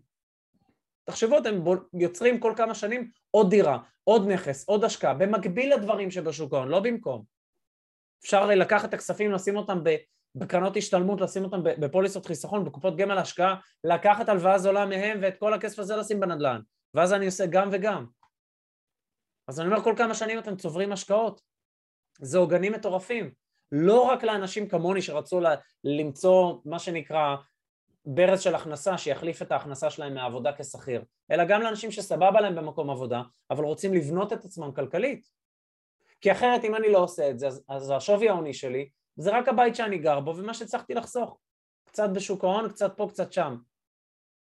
לא, לא מגיעים ככה רחוק כלכלית, זה כאילו, זה ממש פאק בתוכנית העסקית שמלמדים אותנו.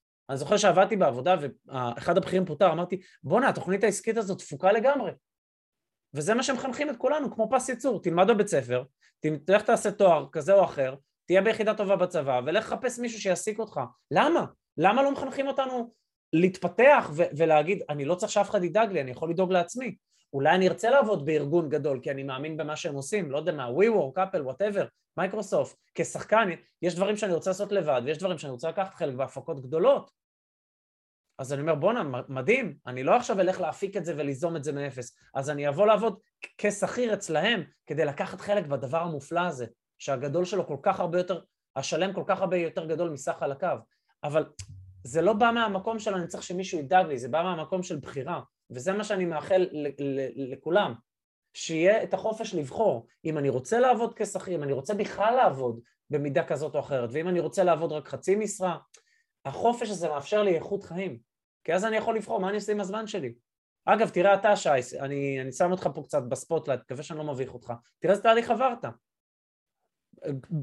משרה יפה בהייטק, לא אה, מה שאני עבדתי משרה זה, של אה, מתחילים, משרה יפה בהייטק, לא היה פשוט לעזוב את זה, ולא לפני הרבה זמן עזבת, ותראה כמה דברים נפלאים אתה יוצר וכמה ערך אתה נותן לאנשים, הרי הגורם מספר אחד להצלחה שלנו ולשגשוג שלנו וכמובן גם בכסף זה כמה ערך אנחנו נותנים לאנשים אחרים בין אם זה כשכיר, כמה אני טוב בעבודה שלי וכמה קשה להחליף אותי, ובין אם זה כעצמאי, מה החברה שלי עושה וכמה ערך היא נותנת. תראה את הקבוצה שלך של, ה, של הפייסבוק ותראה את המוניטור והפודקאסטים שלך, תראה כמה ערך אתה נותן, תראה איזה דרך מטורפת אתה עשית מאז שעזבת את, ה, את, את העבודה כשכיר ויצאת לעולם העצמאי. ואני אגיד לך עכשיו עוד משהו, ואני אגיד את זה לכל מי שומע פה, כי אני שמעתי את זה כשהייתי שכיר בהייטק וחשבתי שזה קלישאה, כשהייתי שומע את בור פרוקטור אומר, אתה תגיע למצב שההכנסה החודשית שלך תהיה יותר גבוהה מההכנסה השנתית שלך. ואני אומר לך שאתה תגיע לזה. ואני זוכר שכשאני הגעתי לזה, אמרתי, זוכר שהסתכלתי למטה למעלה ואמרתי, וואלה, עכשיו הבנתי. כי זה, זה הבן אדם שאתה הופך להיות, זה לא הכסף. זה הבן אדם שאתה הופך להיות כחלק מההתפתחות שלך. ואז אתה נהפך בן אדם עם תודעה רחבה יותר, אז אתה יכול גם לתת ערך ולעשות דברים אחרים שלא חשבת עליהם, כי חלק מההצהרה בין אם זה כעצמאי ובין אם זה כשכיר, כשאני עובד כל היום מהבוקר עד הלילה, כמו מה שהזכרת מקודם, אין לי זמן לחשוב. ובגלל שאין לי זמן לחשוב, אין לי זמן לעשות כסף. כי כסף זה, הוא תוצאה. זה משפט שאמרו לי הרבה, ש... עוד שהייתי ככה שכיר במשרה מלאה. אבל אתה לא מבין את זה עד שאתה לא רואה את זה, הרבה דברים. כשעובדים אין זמן לעשות כסף, זה משפט שהוא כל כך נכון. ממש, וגם אם אתה מרוויח משכורת יפה. כי, כי אתה לא רואה את המעבר, יש לך עדיין איזושהי תקרת זכוכית, ואתה אומר, רגע, שנייה, אז הרווחתי 30, 40, 50, אבל אולי יש דברים שאני יכול להרוויח 300 אלף שקל לחודש, 500 אלף שקל לחודש, כאילו, כמובן שזה לוקח זמן, כמובן שזה לא לכל אחד, כמובן שזה צריך ללמוד, אבל כאילו, כשאתה יוצא, כמו שדוקטור סוס אומר, כשיוצאים, מגיעים למקומות נפלאים, אבל צריך להסכים לצאת לדרך, ובכלל בכל דבר, גם בנדל"ן, גם בללמוד משהו שהוא חדש לנו ומפחיד לנו, צריך להסכים לשלם את המחיר. וכל הזמן, ואני זוכר, דירה ראשונה היה לי איזה מכשפופה שהייתי צריך לפנות דרך בית משפט, אמנם לא נפל עליה קיר גבס, אבל לא קיבלתי שכירות חצי שנה. זאת הייתה החוויה שלי בדירה הראשונה. שכל המשפחה שלי אמרה, נו, אמרנו לך, אמרנו לך, אמרנו לך. פתחו שמפניה שם. כל הרוסיאדה חגגו. בסדר, בסדר, אוקיי, הבנתי. אז, אז, אז היה דברים שעדיין לא ידעתי. אבל זה לא אומר שזה לא עובד. זה אומר שאני, פתח סוגריים, צניעות אינטלקטואלית שכולנו צריכים לסגל, עדיין לא יודע את מה שאני צריך לדעת כדי שזה יעבוד. גם השקעות שעשיתי והפסדתי, ולא מעט השקעות עשיתי, לא בנדל"ן אמנם, אבל השקעות אחרות, או כי לא הבנתי מספיק, או כי עשיתי טעויות, אז אמרתי, אוקיי, למדתי מזה. לבוא בענווה, לא לבוא ולהגיד, אה, אה, לא הצלחתי אז זה לא עובד. זה אומר שהבן אדם לא לוקח אחריות. לקחת אחריות על התוצאות שלי בחיים, זה אומר, אם זה לא עובד, אני צריך לשאול את עצמי, מה עשיתי לא נכון? ולא להגיד שר האוצר, ראש הממשלה, השמש, הירח, הכוכבים, המזג אוויר, ותשעה מכל עשרה אנשים, ובכאב אני אומר את זה, לא לוקחים אחריות על החיים שלהם, בגלל זה הם נמצאים איפה שהם נמצאים. ואז מה? ואז בא בן אדם שלא לוקח אחריות ואומר, היה לי בדיוק מישהו בבית קפה ליד הבית, בית קפה אה, האהוב עלינו פה בגילפורד של איפשן נטלים, מישהו ליד יש שם חנות סקייטבורדים עם אה, כל מיני נעליים כאלה של סקייטבורדים, ואנחנו אוהבים לדבר איתו, ופתאום הוא מביא לי, כן, כסף זה מקור כל הרשע, money is the source of all evil, ואז אני מסתכל ואני אומר, וואי, איזה תודעה. אתה, אתה, אני אגיד פה משהו קצת גדול, אנחנו כולנו נמצאים בסופו של דבר בקובייה, בכלא של עצמנו. והכלא הזה זה התודעה והמחשבות שלנו. עכשיו אם אני הולך ואני מאמין בסיפור מסוים, בין אם זה שלא יודע מה, אנשים עשירים הם רעים, גונבים, רמאים, אז קודם כל אני לא ארצה להיות כזה, ודבר שני, אין לי סיכוי להיות כזה. זאת אומרת, גם אם אני בצורה לא מודעת לא רוצה, אבל בצורה מודעת חושב לעצמי שאני רוצה, אני לא אגיע לזה. כי אני חושב שצריך לעשות דברים לא מוסריים. עכשיו, אני לא אומר שכל מי שיש לו כסף הוא טלית שכולה תכלת, אבל גם גם לא כל מי שעני הוא טלית שכולה תכלת, אז זה לא קשור לכסף, זה קשור לאדם. האדם הוא הנכס, וחשוב ל... מי שעכשיו שומע אותנו ורושם לעצמו הערות, את זה הייתי חוקק על המחברת. האדם הוא הנכס, כי אם אתה עכשיו לוקח מבן אדם שבנה את עצמו כלכלית את כל הנכסים, הוא ידע לבנות את עצמו שוב. כי הוא פיתח את היכולות ואת הידע. בן אדם שלא ידע וזכה בלוטו, מהר מאוד, וזה מוכח מחקרית וסטטיסטית, לא רק שהוא יפסיד את הכל, הוא יישאר עם מינוס יותר ממה, זאת אומרת, הוא יישאר עם פחות ממה שהיה לו לפני הזכייה. אם אני עכשיו אקח את כל הכסף שבעולם, אני אעשה reset, אחלק לכולם שווה בשווה, מאוד מהר זה יחזור לאותם הרגלים. זה כמו שאני אקח עכשיו קבוצה של אנשים שהם בספורט בריאים ורזים, ואנשים שהם לא, ואני אגיד אני עושה reset, כולכם עכשיו מקבלים את אותו גוף. כל אחד עם ההרגלים שלו, כולם יחזרו לאותו דבר. מי שיתנהל לא נכון עם אוכל ועם דברים בריאותיים, עוד פעם יחזור להיות במקום הזה. ומי שיתנהל נכון יהיה במקום הזה. אותו דבר עם כסף, כסף הוא תוצאה. כמו שהבריאות שלנו היא תוצאה, כמו שה... אתה מבין מה אני מתכוון? אם אני אוכל תזונה טובה, אז אני אראה תוצאות בהתאם, ואם אני עושה תזונה ואני עושה פעולות לא נכונות, גם תוצאות של זה יהיו בהתאם. זה כאילו מצד אחד כל כך פשוט ומצד שני כל כך מורכב, כי כשאתה בחוץ לזה אתה לא רואה את זה, רק כשאתה בתוך זה אתה רואה את זה. אז אני, אני ממש ממש אה, מסכים עם מה שאתה אומר, ויש אה, מש, משהו שלא לא הרבה יודעים, או לא יודע אם בכלל יודעים, משהו שאתה באופן אישי ככה מאוד, מאוד השפעת עליי, אה, ככה לעזור לי, היה כל מיני אנשים שהשפיעו עליי, ואתה היית אחד מהם, אה, לעשות את הקפיצה הזאת להיות במקום שאני רוצה להיות בו. למעשה אני זוכר את זה ממש ממש טוב, הייתי, הייתי בדרך לעבודה, חניתי את האוטו בחנייה של העבודה, ואז דיברתי איתך, זה היית, היית, היית, היית באנגליה, דיברנו ככה בשיחת וואטסאפ, זה היה בבוקר ככה בישראל, אני זוכר, דיברנו ואתה מספר לי איך שאתה עזבת את העבודה ועשית אה, כל מה שסיפרת כרגע, וזה לא התחבר לי כי בלי חלילה לזלזל, בדיוק כמו שאמרת, אתה מספר לי, אה, מדבר איתי על משכורת 14,000, אני, אני לא במקום הזה, אני בתור, בתור שכיר הרווחתי יותר מפי שתיים, אוקיי? ואני אומר, אוקיי, בסדר, אז מה, מה הוא בכלל מדבר על יובל הזה? מה, מה הוא בכלל מבין? הוא בכלל לא מבין אותי, הוא מדבר איתי, אז הוא עזב איזה עבודה, בסדר, מי, ישמע, הוא היה בתחילת הקריירה, כאילו, מה, מי ישמע מה הוא עשה? עכשיו, לא, לא היה בכלל בזלזול, אבל הראש שלי לא רוצה לקבל את זה. ופתאום ש... הרי בסוף כל אחד זה, זה איפה שהוא נמצא, זה איזשהו tracking כזה, ופתאום שקיבלתי ממך את, ה, ככה את, ה, את הדחיפה הזאת להבין שרגע, אם, אם אני אעזוב, אני אהיה במקום שטוב לי, ואני אעשה בזמן שלי את מה שאני אוהב לעשות, אז פתאום אני אגדל ואתפתח, ואולי אני יכול לעשות גם יותר מהמשכורת של, של, של, של השכיר. אבל לא רק, הכסף זה לא האישו, הכסף זה התוצאה. ו, ופה זה מתחבר לי מאוד עם מה שאמרת קודם, אמרת, דיברת על הנורמלי, אז הרבה פעמים, יש לי גם עד היום אגב, אה, אה, שיחות עם אמא שלי, לפעמים היא אומרת לי, שמע, אתה לא נורמלי, ואז אני, אומר, אני עונה לה, אמא יקרה, אני מאוד אוהב אותך כמובן, אבל מי אמר שלהיות נורמלי זה משהו טוב? מי אמר שלהיות נורמלי זה נורמלי, אוקיי? זה לא נורמלי. לקום כל בוקר לעבודה שאתה לא אוהב, אוקיי? יש כאלה שאוהבים את העבודה שלהם, הכל טוב, אבל אני קמתי בבוקר לעבודה שהיא בסדר, אבל הלב שלי רוצה בכלל להיות משהו אחר, זה כמו לצורך העניין אדם שהוא אה, גיי, שהוא נמצא בארון, אוקיי, ואני לא חלילה אה, אה, מבקר אף אחד, זה מאוד מאוד קשה בסיטואציה כזאת, no. אבל בגלל שהוא פוחד מהסיטואציה של איך הסביבה תגיב, הוא לא עושה את הפעולה והוא לא עושה את מה שהוא רוצה לעשות, להיות עם האהבה שלו, לממש את האהבה שלו. והיום, כשאני, אני עובד הרבה מאוד שעות, אבל אני לא מסתכל על זה בתור עבודה. אני כרגע חי את החלום. לא אכפת לי מכסף בכלל, בכלל לא אכפת לי מכסף. אני נהנה מכל דבר שאני עושה. אני אוהב, אני קם בבוקר בתשוקה, אני קם לפני השעון מעורר. בעבודה הייתי רק רוצה, תן לי עוד שעה במיטה, עוד שעה, הרגשתי לא טוב. היום אני יכול להעיר את השעון, אני לפעמים, אשתי קמה בבוקר והיא אומרת לי להוריד את הכלבה, אני אומר לה, ממי, אני כבר ארבע שעות ער. אני אמרתי, מה עשית עד עכשיו? אמרתי לה, לא יודע, כיף לי. כי אתה מלא אנרגיה ותשוקה ממה שאתה עושה. רגע, אני רוצה אבל לגדר את מה שאנחנו אומרים פה, שלא מישהו או מישהו ישמעו את זה ויגידו, זהו, מחר אני מתפטר. את הדבר, את הדבר הזה, למי מכם שרוצה לצאת מדרך זה פשוט יצא ככה, כי, כי אני ושי שנינו עשינו את המסלול הזה, זה פתאום נהיה, עלה בפרק, ואני חושב שזה כיף שזה גדול שזה עלה, כי אפשר להפיק מזה הרבה. אבל מי מכם שרוצה, זה לא אומר שמחר אתם מתפטרים, זה אומר שאתם עכשיו. מתחילים כבר להניח את האבנים לגשר, אתם בונים גשר שיעביר אתכם מהמקום הזה למקום הבא. אולי זה עבודה אחרת כשכיר, ואולי זה עסק עצמאי משלכם, ואולי זה, אני לא יודע מה, אבל אתם בונים את האבנים האלה, והאבנים האלה זה גם חסכונות שמומרים להשקעות, רצוי גם עם מינופים. זה, כי זה מה שנותן לנו גדילה מאוד מהירה, המינופים, זה, זה מה שעשה את הקפיצה עבורי. זאת אומרת, אם במקום נדל"ן הייתי רק בשוק ההון, לא הייתי מגיע למה שהגעתי, בטח שלא בגיל כזה. אז אני, אני, רוצה ככה שנגיע קצת אה, לשאלות. אין בעיה, אני רק רוצה לתת... זה לא אומר שאתם צריכים מחר להתפטר, אבל זה אומר שאתם כבר יכולים להתחיל לחשוב על איך אני בונה את עצמי כלכלית, כדי שגם אם אני עוזב או עוזבת את העבודה, עדיין יש לי הכנסות. אולי לא באותו גובה ואולי אפילו לא מתקרבות לזה, אבל יש לי משהו שאני יכול לשרוד איתו. ואז משם יש לי את הזמן להתחיל לחשוב מה באמת בא לי לעשות, ואז להתחיל לחפש את עצמי.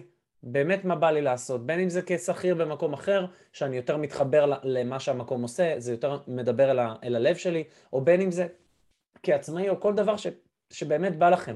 כאילו כמה יש לנו פה? 70, 80, 90 שנה? ואנחנו ברוב הזמן הזה לצערי הרב, מחנכים אותנו להיות מונעים ממה צריך, וזה, וזה להיות מונעים מפחד, לא מאהבה. כי בחיים או שאני מונע מבא לי, וזה מדליק אותי ואני בתשוקה, או שאני מונע מפחד. ורובנו מונעים, וזה התרבות שלנו, המערבית, מפחד. ואני אומר, אז מה, אז להתעורר בגיל 50? אז מה, לחכות לפנסיה? שאני כבר, סליחה על הביטוי, רוב האנשים כבר לא בשיא הכושר והם ב, לא בקו הבריאות. למה? למה? אני עכשיו כאילו, לפני רגע השתחררתי מהצבא, אני בן 39 בסופה שקרוב, ואני אומר, בואנה, אני עוד שנייה בן 40, איך הזמן טס? אין לכם, כאילו, אני אומר תודה, תודה בורא עולם על התובנות שנפלו לי בגיל כזה צעיר, ותודה על הזכות שיש לי להעביר אותם הלאה.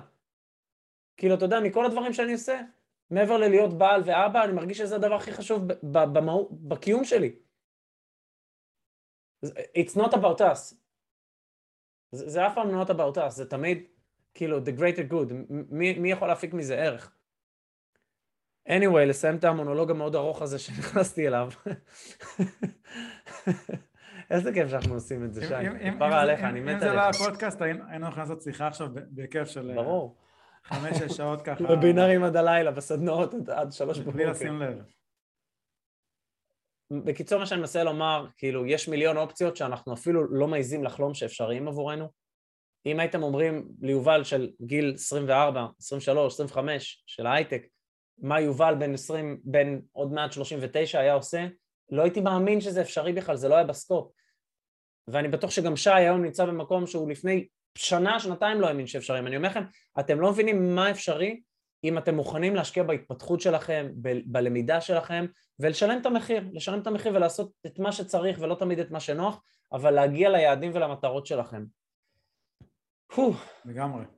סוף אז אני. רוצה ככה לחזור רגע, איכשהו, איכשהו קפצנו, זה לא, לא היה מתוכנן, כי בסוף זה, זה פודקאסט, זה שיחה ספונטנית. אמ, אז, לחתוך בעריכה, רבקה. אז אה, כן, אנחנו נחתוך בעריכה, סתם לא. אז אה, שאלה ששואלים באמת הרבה, אה, זו שאלה באמת מעניינת. אנחנו מדברים כרגע על נדל"ן בישראל. מה, מה דעתך? האם, יש, יש, נגיד יש לי, יש לי מספיק הון עצמי, האם כדאי לי לקנות דירה אחת במקום יותר מרכזי, או לקנות אולי שתי דירות, ובעוד 15 שנה, כמו שאמרת, נשחק את המשכנתה, יהיה לי שתי דירות במקום פחות מרכזי. שאלה, שאלה פצצה. אז אני אענה על זה בפשטות. נגיד שאתה שואל את השאלה, אז אני אומר, אם לשי זה דירה יחידה, והוא רוצה להגדיל את הכסף, זאת אומרת לעשות אקזיט, תישאר על דירה יחידה, מבחינה מיסויית זה הרבה יותר חכם. אבל אם שי בא ואומר, לא, אני רוצה לייצר מהדירה הזו דווקא תזרים, אני רוצה כמה שיותר הכנסה, אז או שאני קונה דירה יחידה אבל מחולקת, כדי שתכניס לי שתי שכירויות, ואז אני נהנה גם מעליית ערך וגם תזרים, אבל זה לא חוקי ברוב המקומות, ולרוב האנשים זה לא מתאים. זה יותר ל, לאנשים מסוימים שזה כן מתאים להם, שהם לרוב יותר מנוסים ויותר משופשפים. אז, אז שי אומר, אוקיי, אז, אז אם אני לא רוצה מחולקת, מה אז? אז אני אומר, אוקיי, אז תקנה שתי דירות זולות, שכל אחת תכניס לך הרבה יותר שכירות. לדוגמה, במקום דירה במיליון שתכניס שכירות של שלוש וחצי, קנה שתי דירות במיל... שכל אחת 500 שמכניסות 2,500 שקל. זאת אומרת, במקום שכירות של שלוש וחצי, יש לי שכירות של 5,000 שקל, לדוגמה. בסדר? העניין זה כש, כשאני קונה שתי דירות, דירה שהיא לא דירתי יחידה, אז יש לי עליה גם מס ברכישה, 8%, וגם אם מכרתי אותה ברווח מסוים, אז על 25% אני משלם על מרכיב הרווח. נניח קניתי אותה ב... לא יודע מה, ב-500 ומכרתי ב-700, ונגיד שהיה לי 50 אלף שקל הוצאות, אז מתוך ה-200 אלף שקל רווח בין 700 ל-500 אני מוריד את ה-50 אלף שקל הוצאות, נשאר 150, על זה אני משלם 25% מס רווחי הון, מס שבח במקרה הזה. אז אני אומר, זה נחסך לי כל עוד אני בדירה יחידה, אבל אם אני מראש אומר אני גם באסטרטגיה של לצבור דירות, בין אם זה בלי קשר למניב או עוני, כמו שדיברתי, אלא אני מראש מבין שאני רוצה לטווח הארוך להיות טייקונצ'יק, כמו שאני קורא לזה, ולצבור כמה וכמה וכמה דירות, אז זה לא רלוונטי. זאת אומרת, אם חשוב לך שזה יהיה בגוש דן, אז זה יכול להיות בגוש דן, או באזורים שהם יותר מבוקשים. אם לא, ואתה רוצה לצבור כמה שיותר דירות, אין בעיה. אבל תמיד שזה יהיה, מה? שזה ישרת אותי למטרה שלי. ותמיד אני שואל אותי, מה המטרה שלי? וזה בכלל משהו מאוד חשוב שאני ממליץ לעשות. יש לי ממש סדנה שלמה על הדבר הזה של כמה שעות טובות של קביעה והגשמת מטרות לפי שבעה תחומי חיים. מה המטרה שלי? בפן הפיננסי, המטרה שלי מה? להגיע ל... נגיד אני בהייטק, רצ... הנטו היה אחרי כל המסעדות והחרטא, היה 9,800, זה היה היעד שלי. ולזה הגעתי קצת לפני גיל 30, קצת לפני שנה ג' בניסן נתיב. מה היעד שלי פה? היעד שלי פה להגיע למיליון הראשון, להגיע לחמש מיליון, להגיע לעשר מיליון, להגיע לעשרים אלף שקל, חמישים אלף הכנסה פסיבית, מה היעד שלי? עכשיו בן אדם שסבבה לו בעבודה ומשתכר יפה וחוסך יפה, אין לו מה להסתכל על יעד כלכלי תזרימי, שיסתכל על גדילה הונית. בן אדם שנמצא במקום שהוא לא אוהב את העבודה שלו והוא רוצה להשתחרר ממנה, אז יש מה להסתכל על, על תזרים, מה שנקרא כדי לשחרר לי אוויר.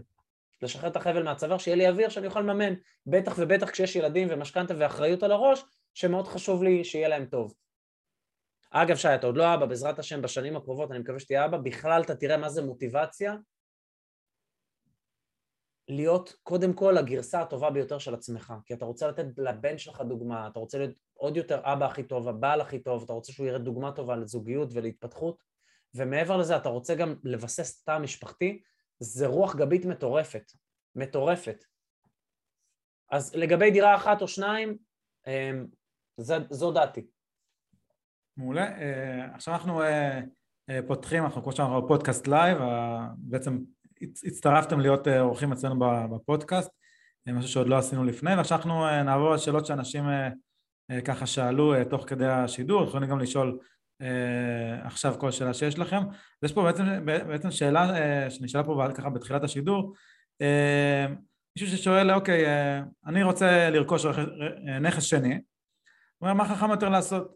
האם דירה מקבלן, בעצם בפריסל, אוקיי? או אה, יד שנייה, אוקיי? ועוד עוד, עוד הוא מוסיף פה שבעצם המטרה היא אה, עליית ערך עתידית. אז מה, אז מה עדיף?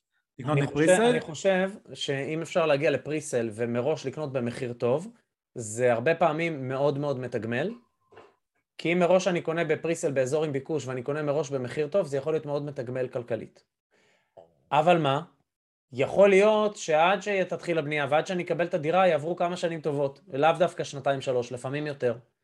וזה אומר שבזמן הזה, לפי אחוז המשכנתה שאני כל פעם לוקח ומשלם ומעביר לקבלן, אני צריך לעמוד בהחזרים האלה. אז למי זה מתאים? לאנשים שגם ככה שמים בצד סכום יפה כל חודש, של כמה אלפים, שבמקום שזה ילך ל... לא יודע מה, לפק"ם, או חס וחלילה, כן? או לקופת גמל להשקעה, או לקרן השתלמות, או לפוליסת חיסכון, אז במקום שזה ילך למקומות האלה, שילך למשכנתה. זאת אומרת, אני יודע להיות בתזרים שלילי כל זמן שעדיין לא קיבלתי את הדירה ואין לי שכירות ממנה. אגב, היום, אמרתי, יובל של ניסן נתיב רצה כמה שיותר הכנסה פסיבית. יובל של היום, רוב הנכסים בארץ עבורי, אין לי שום בעיה להיות בתזרים שלילי, אפילו גדול, ולשחוק משכנתאות כמה שיותר מהר, כי העסקים שלי עובדים יפה ואני חוסך יפה ויש לי יכולת לממן את זה. ואני מתמקד בגדילה הונית, בעוד שהנכסים שלי בחו"ל, ארה"ב ואנגליה, זה בדרך כלל ללא משכנתאות וזה יותר ממוקד תזרים. בסדר? מעולה. יש פה עוד שאלה אה, גם שקשורה ל... אה, בוא נאמר לי דירות שהן לא יד שנייה. מה, מה דעתך לעסקאות אה, לפני היתר בנייה? לפני שיש יותר בנייה? אני, אם זה על... קבלן, ואם זה קבלן שאני, מה שנקרא, בדקתי אותו והוא עשה פרויקטים, ואני נכנס לדבר הזה לפני שיש היתר בנייה, אני לא מדבר על קבוצות רכישה. קבוצות רכישה לפני היתרים לא הייתי נכנס בכלל. אבל אם זה קבלן, אז הרבה פעמים לפני שיש היתר, יש discount עוד יותר גדול. וזה רעיון טוב. אבל צריך לבדוק שזה באמת מישהו יודע מה הוא עושה, והוא כבר עשה פרויקטים, ואני גם לוקח חס וחלילה מקרה, שאם לא יהיה היתר עכשיו, או אם זה יכול לקחת זמן, אין לי בעיה ואני חי בשלום עם זה שמה שנקרא, השכבתי שם כמה מאות אלפים כ- כמרכיב ההון העצמי. מעולה. אה, יש פה עוד, עוד שאלה עוד של... טיפ, אם כבר אנחנו בדבר הזה. תראו, יש אזורים שהם רותחים, ובאזורים הרותחים אני לא אוהב להיות. אני גם לא אוהב ללוות שם אנשים, אלא אם אנשים אומרים, לא, שם אני רוצה. אז אני אומר, בסדר, אז שם אנחנו נלווה אתכם. אנחנו פרוסים בסמארטסארט, אני מדבר, הרשת שלנו, באר שבע, אשקלון, אה, רמלה, לוד, גני אביב, חולון, בת ים, דרום תל אביב, יפו, חדרה, אור עקיבא, חיפה, קריית אתא, קריית חיים, כאילו אנחנו ממש פזורים לפי גם אזורים גיאוגרפיים וגם אטרקטיביות של השקעה, זה אזורים שאנחנו מאוד מאמינים בהם. אבל עם זאת, אני אתן דוגמה, נגיד בת ים, רותחת עכשיו, המחירים שם לא הגיוניים. אז, ו- וזה לא רק שם, יש הרבה אזורים בארץ שהמחירים מטורפים, אז אני אומר, רגע, שנייה, למה שאני אקנה שם כשעל, כשזה שוק שלמוכרים יש כזה כוח, במקום לקנות באזורים שיש הרבה פחות קונים, כי יש פחות עליהום ו- ו- ופחות רבק על המקום הזה. ואז אני הולך למקומות שהם קצת יותר מתחת לרדאר, כמו חלק מהערים שציינתי פה, שאנחנו משקיעים בהם, ושם אני קונה, כי שם הרבה יותר קל לי, כי אין על כל דירה 100 קופצים. אתה מבין מה, מה אני מתכוון?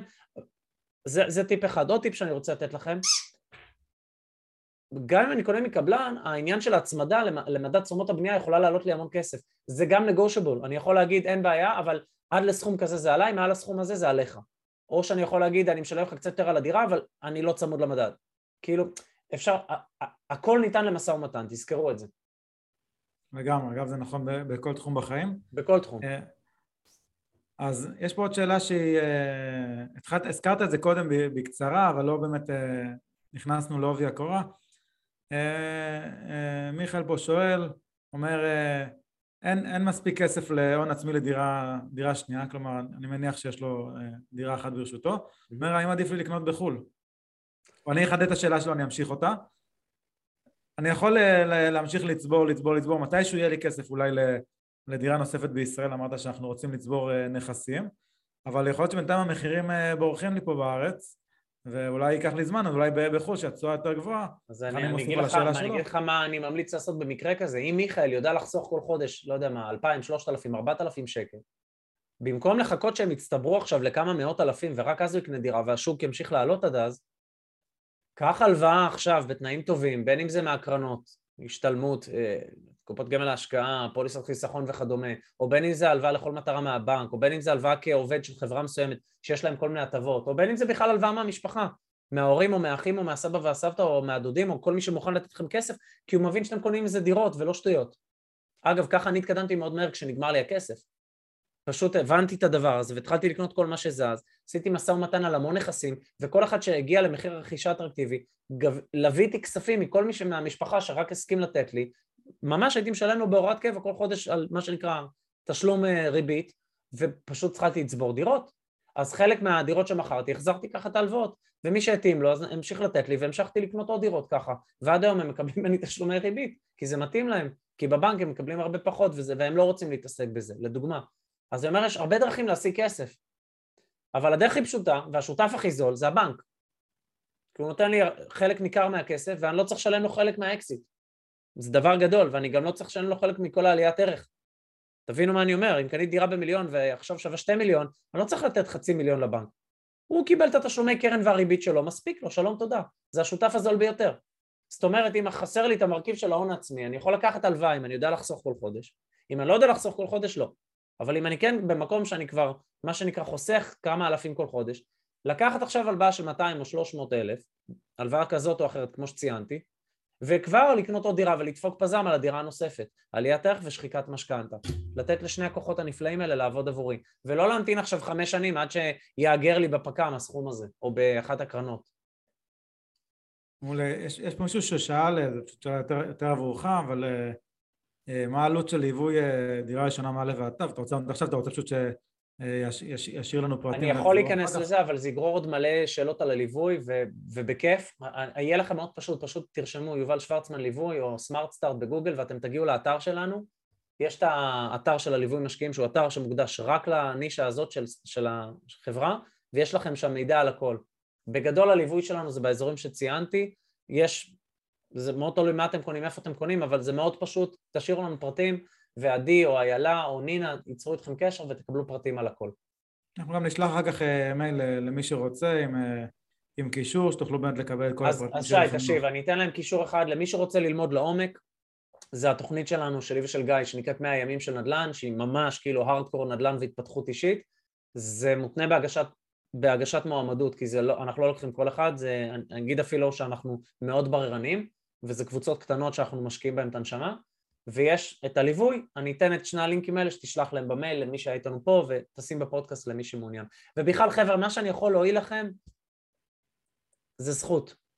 אז בגלל זה אני אומר, מי שלא בא לו להוציא כספים, כנסו ליוטיוב, לאינסטגרם, ליצנות כלכלית שלי בפייסבוק, כאילו, יש לכם מלא תכנים ללא עלות, תספגו אותם. ברגע שאתם רוצים עוד, בכיף. יש פה עוד שאלה, אה, האם יותר נכון ללכת על כיוון תזרימי שיעזור לי לייצר הון ראשוני לקניית אה, נכסים, השקעות נוספות, ואז אחרי כמות נכסים מסוימת להתחיל לצבור נכסים הוניים? קודם כל שאלה מאוד יפה, תודה למי ששאל או שאלה. אמ, אני חושב שזה מאוד תלוי, כי אין דרך אחת. יש מישהו אחד שאומר, תראו, תבינו משהו, אם אני ממוקד תזרים, אני פוגע בעליית ערך. ואם אני ממוקד עליית ערך, אני פוגע בתזרים. אני אתן דוגמה, דירה בגוש דן עכשיו. אני אקנה עכשיו דירה בשתי מיליון, היא לא תכניס לי שכירות כמו ארבע דירות שיעלו לי חמש מאות אלף. או אם דירה אחת שעולה לי 500 יודעת להכניס לי 2,000 או 2,500 שקל, דירה בשתי מיליון לא תכניס לי פי 4 עשרת אלפים שקל. תכניס איפשהו בין 5 ל-7. זאת אומרת, אני, עכשיו אותה דירה, אני אתן דוגמה עוד יותר קיצונית, יש לי לקוחות שקנו בדימונה ובכל ה, מה שנקרא הפריפריות הממש דרומיות האלה לפני 7-8 שנים ובאו אליי עכשיו אחרי שהם מכרו כדי לקנות נכסים אצלנו בערים האחרות, הם מכרו כמעט באותו מחיר שהם קנו, שי. וזה לא לקוח אחד וזה לא שניים וזה לא עשרה. ואני אומר, ריבונו של עולם, אז בשביל מה להשקיע בנדל"ן? עליית ערך זה שם המשחק, ומינוף. הרי איפה אני עושה כסף בנדל"ן? קנייה חכמה ביום הקנייה, מינוף, שעל שלי אני לוקח עוד שלושה מהבנק, או כמעט שלושה מהבנק, אם זה 70 אחוז. עליית ערך, שזה מטורף במדינת ישראל, זה אחת ההטבות פה שהקרקע כל כך קטנה ויש היצע כל כך נמוך וביקוש כל כך גדול, שחיקת קרן ההלוואה, שחיקת המשכנתה, שדוד ורבקה המקסימים שגרים בדירה שלי, הם אלה שמשלמים שכירות והם אלה ששוחקים את ההלוואה, והשכירות שאני עושה השבחה והשכרה שהיא מותאמת לקהל היעד. ואז אני יכול לעשות תשואה הרבה יותר גבוהה ממה בן אדם רגיל שהוא פחות מיומן בנדל"ן עושה. אז אני אחזור לשאלה, זה, זה, אם אני ממוקד עליית ערך אני אגיע ל, ליעד העוני מהר יותר, אם אני ממוקד בתזרים אני אגיע ליעד העוני לאט יותר, אבל אפשר ללכת גם בשביל הזה וגם בשביל הזה, שניהם עובדים. אני בהתחלה, כל השנים, ה, ה, נקרא לזה השבע שמונה שנים הראשונות היו במסלול התזרימי, ונקרא לזה השבע שמונה שנים שאחריהם היו במסלול העוני, אז אפשר להגיע לזה, either way, אבל בכל מקרה לכו על ערים שאתם רואים, וזה טיפ חשוב, אתם יכולים להסתכל אחורה שנה, שנתיים, שלוש, ארבע, ולא רק בארץ, גם בחו"ל, שהמחירים במגמת עלייה. זאת אומרת, יש ביקוש, יש הגירה חיובית, יש, יש תנועה לכיוון המקום הזה, יש שם קונים, בין אם זה משקיעים, בין אם זה אנשים שקונים למגורים. כמובן שאנשים שקונים למגורים זה, זה ביקוש הרבה יותר חזק. ואז אני הולך לאזור שהוא במגמת עלייה. כמו, אתה יודע, כמו, אני לא אקנה מניה כשהיא מתרסקת כלפי מטה, כי אני לא יודע איפה, מתי הסכין נופלת, אבל כשהיא נפלה, רק אז. מעולה. יש פה שאלה שככה זה, כנראה הייתה בשעה מוקדמת, אה, אז שרק התחלת, אז בוא נתייחס לכל מי ששאל, השקיע מהזמן שלו. אה, מה הקטע עם האף האדום? אתה תמיד שם בשידורים אף אדום, מה הקטע? אז כן, זה, זה כמעט השאלה הזאת. אז אה, שאלו אותך, למה דווקא אנגליה וארה"ב, מה, מה הופך אותם ליותר אטרקטיביים בעיניך? האמת, אני עכשיו גר באנגליה, זה נורא קל לי ונורא נוח לי ואני רואה את האטרקטיביות של השוק הזה. צפון אנגליה לדוגמה, זה, זה מחירים שעדיין מאוד זולים, התשואה מאוד יפה. ארה"ב נכנסתי, סיבה ראשונה כי היה את המשבר ונוצרו הזדמנויות מטורפות, ואגב אני לא אתפלא אם בשנים הקרובות עוד פעם יהיה שם משבר. אם זה יקרה או לא יקרה אני לא יודע, אני לא נביא, אבל אני, אני, אני לא אתפלא, בסדר? אני אישית, באופן אישי. אמ, והסיבה השנייה זה ששני המנטורים שלי שליוו אותי בארץ טסנו ביחד, אני חיברתי ביניהם והם התחילו לעשות נדל"ן בארצות הברית והיה לי מאוד נוח להשקיע בארצות הברית כי היה חבר'ה, כמו שאני מלווה בארץ עם סמארטסארט, עם השותפים שלי, הרבה מאוד אנשים, אז היה לי מישה, אנשים שאני מכיר שילוו אותי שם. אז זה היה לי מאוד פשוט. הרי זה לא רק מה אני קונה, זה איך אני קונה.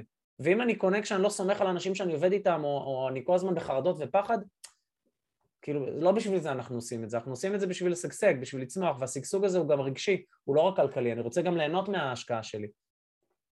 אז זה למה ארצות הברית ואנגליה מה, בשנים האחרונות שאני פה.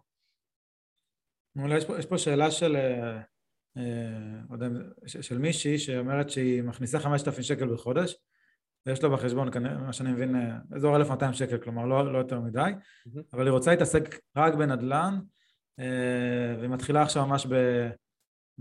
רגע, זה, סליחה, זה מתחיל, זה העבודה שלה מכניסה 5,000, קראתי נכון? אז הוא מתחיל ממש עכשיו הוא אומר, אה, זה תחילת הדרך, כלומר איך היית מייעץ ככה בתחילת הדרך, שאין יותר מדי משאבים, מה, מה כן אפשר לעשות בכל זאת? רגע, קודם כל, אנחנו צריכים לשאול את עצמנו איך אנחנו יכולים להיות יותר בעלי ערך, יותר בעלי ערך לעולם, יותר בעלי ערך לארגון שבו אנחנו עובדים, יותר בעלי ערך בחברה, בשירותים שאנחנו נותנים. אנחנו צריכים לשאול את עצמנו איך אנחנו יכולים להיות יותר. קודם כל אנחנו נהפוך להיות אנשים הרבה יותר מפותחים בזכות הדבר הזה, ודבר שני, ההכנסות שלנו יגדלו בטירוף. זאת אומרת, את צריכה לשאול את עצמך בעבודה הנוכחית, למה את מרוויחה רק חמש? למה את לא יכולה להרוויח עשר? למה את לא יכולה להרוויח חמש עשרה? למה את לא יכולה להרוויח עשרים, עשרים וחמש, שלושים? אוקיי, אולי אם תרצה מתישהו נעשה פרק על, הד... על, ה... על, ה... על הדבר הזה. יש פה הרבה עניין עם הערכה עצמית ותודעה, אבל אני אומר, אתם לא מבינים מה אפשרי עבורכם, אתם יכולים להרוויח הרבה הרבה הרבה הרבה יותר. אבל בוא נניח כרגע, בא לך להתעסק בנדל"ן, אז את לא חייבת להמשיך לעבוד בעבודה הזאת שממנה את מרוויחה 5,000 שקל, זה לא איזה עבודת חלומות. את יכולה ללכת ולהתעסק בנדל"ן וללכת ולהוציא תעודת תיווך ולהתחיל לעבוד כמתווכת וללמוד תוך כדי עבודה. אז גם תהיי בנדל"ן כל היום מהבוקר עד הלילה וגם מה שנקרא תהיי קרובה לנכסים ואת תלמדי מזה המון וכשאת באה גם עם mindset של משקיעה אז את כל הנכסים הטובים את תוכלי מה שנקרא להתחיל לרכוש לעצמך את לא חייבת לחכות עכשיו שיקרה, לא יודע מה, עשר שנים שבהם תצברי נכסים ורק אז להתעסק כל היום בנדל"ן. את יכולה כבר עכשיו להתעסק כל היום בנדל"ן. זה, that's what I'm trying to say. מעולה. אה, ככה עוד כמה שאלות אחרונות ואנחנו כבר מגיעים אה, לכדי סיום. אז אה, יש פה שאלה, ש, שאלה שקשורה קצת יותר אה, ל mindset שדיברנו קודם, שאלה שאולי לא רלוונטית לכולם, אבל בעיניי כל מי ש... כן רלוונטי לו היום, או אולי שישמע את זה גם בעתיד, זה משהו שהוא מאוד מאוד חשוב. אמ, באמת המעבר הזה, והתחלת להדגיש את זה קודם, פשוט לא נתנו לזה מספיק במה, המעבר הזה באמת משכיר לעצמאי, או במקרה הזה משכירה לעצמאית, אה, אביבה פה שואלת, "מת- מתי אני יודעת שהגשר מספיק יציב ואפשר לעשות את המעבר? אני בונה את הגשר כבר שנים. קודם כל זה מפחיד תמיד. תמיד זה מפחיד, וגם הדירה הראשונה שתקנו, אתם לא תישנו בלילה, אני גם בשנייה לא ישנתי. בשלישית כבר ישנתי ממש טוב. אמרתי, יאללה, יאללה, יאללה, יאללה, איך אני מגיע לדירה ה-30? אבל זו שאלה מורכבת, אני חושב שאת צריכה להסתכל על מה שנקרא בפק"ם בלת"ם, שיהיה לך לפחות חצי שנה של מחיה, שאת תהיי ברוגע, יש לי עכשיו חצי שנה, אני לא דואגת, לא כולל עוד ביטוח לאומי שאני הולכת לחתום. שילמתי כל השנים האלה, עכשיו הזמן שלי לקבל בחזרה. ובמובן השני זה גם להסתכל איך את בונה, זאת אומרת, מה, למה את רוצה, אם זה לצאת, לה, להפסיק להיות שכירה כדי להיות עצמאית, אז זה עצמאית במה? מה בא לי לעשות? אם זה בא לי להיות עסק מסוים, את יכולה להתחיל כבר עכשיו, להקדיש לזה חצי שעה, שעה ביום, וכבר עכשיו טיפין טיפין, ובשנה או שנתיים הקרובות ממש כבר לבנות את העסק הזה. עכשיו, להיות עצמאי, זה לא עכשיו אני צריך בניין גדול במרכז תל אביב עם הלוגו שלי בענק למעלה. זה ללכת לפתוח עוסק פטור עם, לבד או דרך רואה חשבון שיעלה לכם גרושים, זה לקחת מהצוות שתעלה לכם גרושים, תחשבו יחד על לוגו, לחשוב על מה בא לכם, כאילו, זה כל כך הרבה יותר פשוט ממה שאנחנו חושבים, אבל בהתחלה זה הכל חדש, אז זה לוקח זמן, בעיקר לוקח זמן לתודעה שלנו לעכל את זה, אבל מצד אחד זה מאוד פשוט, מצד שני כן צריך להבין שזה לוקח זמן.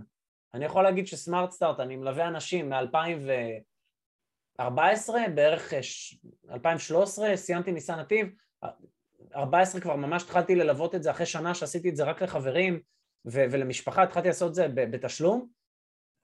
כאילו אני יכול להגיד רק בשנים האחרונות אני ממש קוצר על זה פירות, אז זה לוקח זמן, אבל זה גם משהו שאם אתם עושים באהבה, זה לא נורא אם אתם לא מיד קוצרים את הפירות, כי קודם כל בניתם לעצמכם איזשהו גיבוי, ודבר שני זה עדיין מכניס לכם כסף. אני אישית מעדיף להרוויח פחות ולעשות משהו שאני אוהב, ואני מרגיש שאני, מה שנקרא, עושה את מה שבאתי לעשות בעולם הזה, מאשר לעשות משהו שאני ממש לא אוהב ולהרוויח מלא. אין לי בעיה לעשות משהו שאני לא אוהב ולהרוויח מלא לתקופה מוגבלת, שהמטרה של זה, כמו שהייתי בהייטק, הייתה כדי להביא אותי לצבירת נכסים והשקעות, שיעזרו לי אחרי זה בלעשות את מה שאני כן אוהב. אני רוצה להוסיף עוד משהו שלי עזר בחשיבה, לעשות את הצעד הזה משכיר לעצמאי. אה, כמובן שאני אולי, אולי לא מקרה קלאסי, כי אני באמת בניתי לא גשר, אלא וואחד עיר אה, מסביב, ועדיין פחדתי לעשות את הצעד הזה, וזה לגמרי טבעי, לא יודע להגיד אם זה לגיטימי, כי בראייה לאחור זה לא היה לגיטימי בעיניי, אבל, אבל זה לגמרי טבעי ולגמרי מפחיד, וזה שלב בחיים וזה בסדר. זה כמו השלב שאנחנו עוברים מגלגלי עזר לשלב שאנחנו בלי גלגלי עזר. אני זוכר אה, אה, שאבא שלי ככה לימד אותי לנסוע על אופניים בלי גלגלי עזר, אז בהתחלה לגלגלי עזר, באיזשהו שלב הוא החזיק אותי מאחורה, ומתישהו הוא פשוט עזב אותי, ו... ו... עזב אותי הכל היה בסדר, אבל ברגע שהסתובבתי אחורה וראיתי שהוא עזב אותי, אז נפלתי. כלומר, זה, ברגע שרק הכנסתי לעצמי את הפחד הזה לראש, אז נפלתי, אבל יכולתי כבר לנסוע בלי גלגלי עזר הרבה יותר מוקדם. מה שאני מנסה להגיד, אותו דבר פה. בואו נחשוב על מה יכול לקרות. קודם כל נפלתי אה, מהאופניים, קצת כואב, קצת יורד דם, עושים וואו וואו ושמים פלסטר ו- ולא זוכרים את זה אחר כך. היום אני לא זוכר שנפלתי בכלל, אוקיי, רק הזכרתם לי את זה עכשיו. אבל ב- ב- ב- בסופו של דבר, אני אומר לעצמי, אוקיי, נגיד אני, אני שכירה, לא יודע באיזה מקצוע את שכירה, אז תשאלי את עצמך, כמה זמן, נניח, בוא נלך למקרה הכי גרוע, פתחת עסק, לא הלך כמו שצריך, לא סוף העולם. כמה זמן ייקח, תרצי לחזור להיות שכירה, אז לא תעבדי בחברה X, תעבדי בחברה Y. כמה זמן ייקח לך למצוא עבודה באותה, באותה חברה? חודש, חודשיים, חצי שנה, שנה? אני לא מאמין שאם תנסי למצוא, תעבדי, תעבדי במשרה מלאה בלמצוא עבודה כשכירה שנה, לא תמצאי עבודה. לא, לא מכיר כמעט אני מקצוע אגיד שיש יותר דבר מזה כזה. ברשותך, שי. אנחנו נותנים המון משקל של דברים חשובים לדברים שהם לא באמת חשובים. כי אף אחד פה לא ירעב ללחם. באמת, אם את לבד בעולם ואין לך מי שיעזור לך, אוקיי, אז אני מבין, את לא רוצה לקחת סיכונים ויש לך ילדים ומשכנתאות, הבנתי. אבל רוב האנשים לא במקום שהם ירעבו ללחם, אבל העניין הזה של ה mind והפחד שהזכרת, שמטמטם אותנו ולא, ו- ותופס אותנו ככה בגרון ולא נותן לנו להעיז, זה מה שעוצר אותנו. כי תחשבו, למה באמת אני לא יכול לעשות מה שאני רוצה? למה את מה שאני באמת, באמת רוצה לעשות בחיים? מה אני באמת רוצה לעשות בחיים? זו שאלה גדולה. ואז כשאני מבין כיוונים מסוימים של דברים שמושכים אותי, למה, מה מונע ממני לעשות את זה? כשאני מתחיל לרשום את הדברים האלה על דף, פתאום, פתאום השד לא נראה כזה מורכב. אני, אני אחלוק איתכם משהו. אחד החברים הכי קרובים שלי, חבר מהיסודי, גיל, נולד לו לפני חודשיים אה, הבן השלישי שלו, בשעה טובה, והקטנצ'יק הזה עוד לא בן חודשיים, נדבק באיזה וירוס, ישמור השם, הכל התחיל להסתבך, הגיע לבית חולים ככה, שלא נדע, כאילו, מלא בעיות, הרדמה, הנשמה. בסופה האחרון הוציאו אותו אחרי שבוע שהוא היה מונשם ומורדם. אני, אני, אני, אני בכיתי כל כך הרבה, אני לא זוכר מתי בכיתי כל כך הרבה כמו שבכיתי בשבוע האחרון, והעוצמה שבה התפללתי בשביל הילד הזה, שיצא מזה, ממעמקי הלב שלי. וזה באמת, זה פרספקטיבה, זה היה עבורי, זה היה עבור כל החברים, ואני אומר, אני חולק את זה עכשיו איתכם, עם כל מה שמי שומע ומי שישמע את הפרק הזה. ואז אני אומר, באותו רגע זה משנה אם הוא שכיר, עצמאי, עשיר, עני, נכסים, לא נכסים, זה הכל נהיה שולי. בסופו של דבר, השמחה שלנו, הבריאות שלנו, זה, הזמן שלנו, זה המשאבים הבאמת יקרים. כל השאר זה בונוס. כמובן שאנחנו רוצים לחיות טוב, כמובן שאנחנו רוצים תחושת ביטחון, כמובן שאנחנו רוצים את התחושה של השגשוג, ברור, של הערך העצמי, של הסיפוק. אבל הדברים האלה, זה דברים שהם מתלווים לדבר עצמו, כשאנחנו מתעסקים בדברים החשובים באמת. כאילו, אני לא מאחל לאף אחד שיהיה במבחנים כאלה, אבל הדברים החשובים באמת זה לא הכסף וכל הדברים האלה שאנחנו מדברים בפודקאסט שלך או בפודקאסט שלי. זה להיות בן אדם טוב, זה להיות בן אדם שעובד על ההתפתחות האישית שלו. מה שנקרא, להיות האדם שאני רוצה לפגוש. להיות האדם שאני רוצה שהבן שלי או הבת שלי יגדלו להיות. להיות האדם שאני רוצה שבכלל הדור של הילדים יגדל להיות. זה מה שבאמת חשוב. וכחלק מזה גם הכסף מגיע. כי אם אתה עובד נכון, אז גם הכסף מגיע. כי אם אתה, בין אם זה כשכיר שהוא נותן המון ערך למקום העבודה, או בין אם זה כעצמאי שנותן המון ערך. אולי לחלקכם זה יישמע קצת ג'יבריש או קלישאה, אבל כאילו, ההתפתחות האישית זה מה שגורם לנו לראות את החיים בצורה אחרת. ואז כשאני רואה את החיים בצורה אחרת, קל לי לראות מה חשוב יותר, מה חשוב פחות. ולהתמקד באמת במה שחשוב יותר. ואז גם השגשוגים במה שאני מתמקד בו גדל. בכלל, באופן כללי, מה שאני מתמקד בו גדל. ככלל. מעולה, אז הרבה פה שואלים אה, לגבי שישמחו לראות את ההקלטה, אז ההקלטה תעלה לערוץ שלנו, לערוץ של מאניטו ביוטיוב, בכל זאת שם לכם פה את הקבוצת וואטסאפ אה, של הוובינרים, ששם אנחנו שולחים אה, את ההקלטה וגם את כל החומרים, אנשים שאלו דברים על השירות של יובל, אז הכל אנחנו נשים שם בצורה מסודרת. נשמח לפגוש כל אחד ואחת מכם, חבר'ה. אז אתם יכולים להיכנס לקבוצת וואטסאפ שנתתי לכם עכשיו בתגובות, ואנחנו מבטיח שאני אשאל שם הכל, וגם יחד המספר האישי שלי, שתוכלו לשאול אותי אחר כך אה, דברים על יובל או עליי או מה שתרצו. שרלטן! פשוט אני לא, לא יכול להתמקד בזה כרגע. אוקיי, אה, בואו נראה עוד אה, שאלות אחרונות. פשוט רואה פשוט שכבר ענינו עליהן. יש פה שאלה של מישהו על, על קרנות ריט, אנחנו לא ניכנס לזה כרגע. זה, זה, זה שוק ההון, זה עולם אחר. זה לא נדל"ן, חבר'ה, זה שוק ההון. זה, זה, זה אולי מבוסס נדל"ן, אבל זה, זה לא כמו בעלות שלכם בנכס שאתם ממונפים ואתם אלה שנהנים משחיקת משכנתה ועליית ערך. נכון, לגמרי, זה לא, לא, לא עולם של משכנתאות. שוק ההון, זה לא נדל"ן. וזה עולה ויורד מתנהג כמו שוק ההון, יש משפט שאומר שגשם יורד כל הנרטבים, ויש משפט ששי אומר, גם כשאני מחזיק מטריה, הגשם חודר מהצדדים, אז, אז גם, גם בקרנות ריט זה, זה תופס. אני לא נגד, פשוט זה משהו אחר, זה מוצר אחר וזה פחות קשור כרגע לשידור הזה ספציפית. אני, אני באופן אישי מעדיף שיהיה לי איקס נכסים וגם אם לא בא לי להתעסק בהם, סתם דוגמה, 20, 30, 40, 50, 100 נכסים, גם אם לא בא לי להתעסק אז אני משלם למנהל נכס בכל אזור שיטפל לי בנכסים, מאשר שיהיה לי 100 יחידות של קרנות ריט. ואני רוצה ליהנות מ-100 משכנתאות שנשחקות כל שנה שעוברת, ו-100 נכסים שעולים בערכם כל שנה שעוברת. זה טייקונצ'יקים. לגמרי. טוב, אני רואה שאנחנו מגיעים ככה לכדי סיום. יש פה המון המון uh, תגובות שמאוד מאוד משמחות אותי ככה באופן אישי. יש פה מתן שאומר, כל פעם שאני שומע אתכם אתם ניתן לקבל השראה, תודה רבה. תודה רבה. Uh, יש פה נטלי שאומרת, שומעת הפודקאסט שלך ושל בר, מקסים לתותחים, אלופים, אלוף, נכס לכל מי שמקשיב לכם, מקור השראה. בקיצור, באמת מה שאתם כותבים זה באמת באמת משמח אותנו, כי זה אנחנו, אני ויובל עושים את מה שאנחנו אוהבים, ולכם זה נותן ערך, וזה מדהים בעיניי, אז כיף לנו לשמוע. ואנחנו אה, נראה לי נייצר מפה עוד איזשהו פודקאסט אה, על אה, אולי באמת על יותר תודעה ויותר התפתחות אישית. זה יהיה ב, אולי בסיבוב אחר שיובל ככה אתה ואני ניפגש לאיזושהי שיחה. אז אני רוצה ככה לסיים את השידור שלך כמו שאנחנו מסיימים כל פרק בפודקאסט שלנו שנקרא פשוט מדברים על כסף. רגע זה החלק שרוקדים ערומים עם תחתונים וצועקים. זה הפודקאסט השני שלנו, סתם אז, אז אני, אנחנו, בוא נשאל אותך ככה, יובל, אם אתה יודע, אתה יודע אה, איך, איך מתחיל הפוד, הפודקאסט, אתה יודע, גם אני לא יודע אם אתם שמתם לב, אתם לא אולי, הייתם אולי, אולי זיהיתם את הקול של הקריין. אז הק, הקריין של הפודקאסט הזה, פשוט לא, לא הייתם בקריינות, זה קורה בעריכה, הקריין של הפודקאסט הזה זה אה, יובל שוורצמן. אה, אז זה, זה, זה, זה בדיוק אותו קול, אולי שמתם לב. ואתה יודע איך אנחנו מסיימים כל, כל פרק, יובל? יש לך מושג? אה, עם הקריינות שלי? לא, אנחנו מסיימים כל פרק ב, בשתי מילים. צאו להשקיע.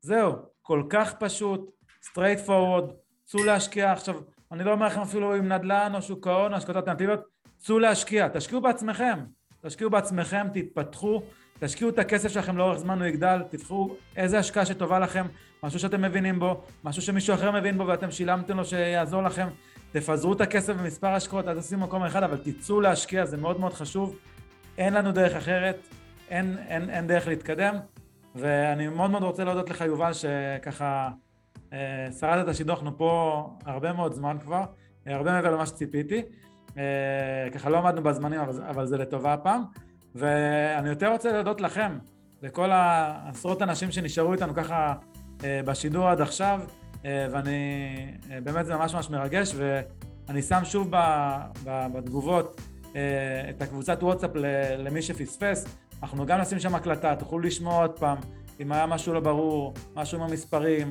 משהו עם התודעה, אה, כל דבר שיש לכם, תרצו לשאול עוד שאלות אה, אותי או את יובל, אה, תוכלו אחר כך גם לשאול, אנחנו מבטיחים לענות על כל שאלה ונשים את כל, את, את, את כל הדברים שהבטחנו שנשים. זהו, אז תודה רבה לכם, יכולים למצוא אותנו בערוץ היוטיוב שלנו, ערוץ של מאניטור, הפודקאסט נקרא פשוט מדברים על כסף, ונתראה בשידורים הבאים. שי, תודה רבה על הזכות, ותודה לכל מי שהאזין. חיבוק גדול גדול גדול עם אף אדום. Thank you. תודה רבה. ביי. ביי.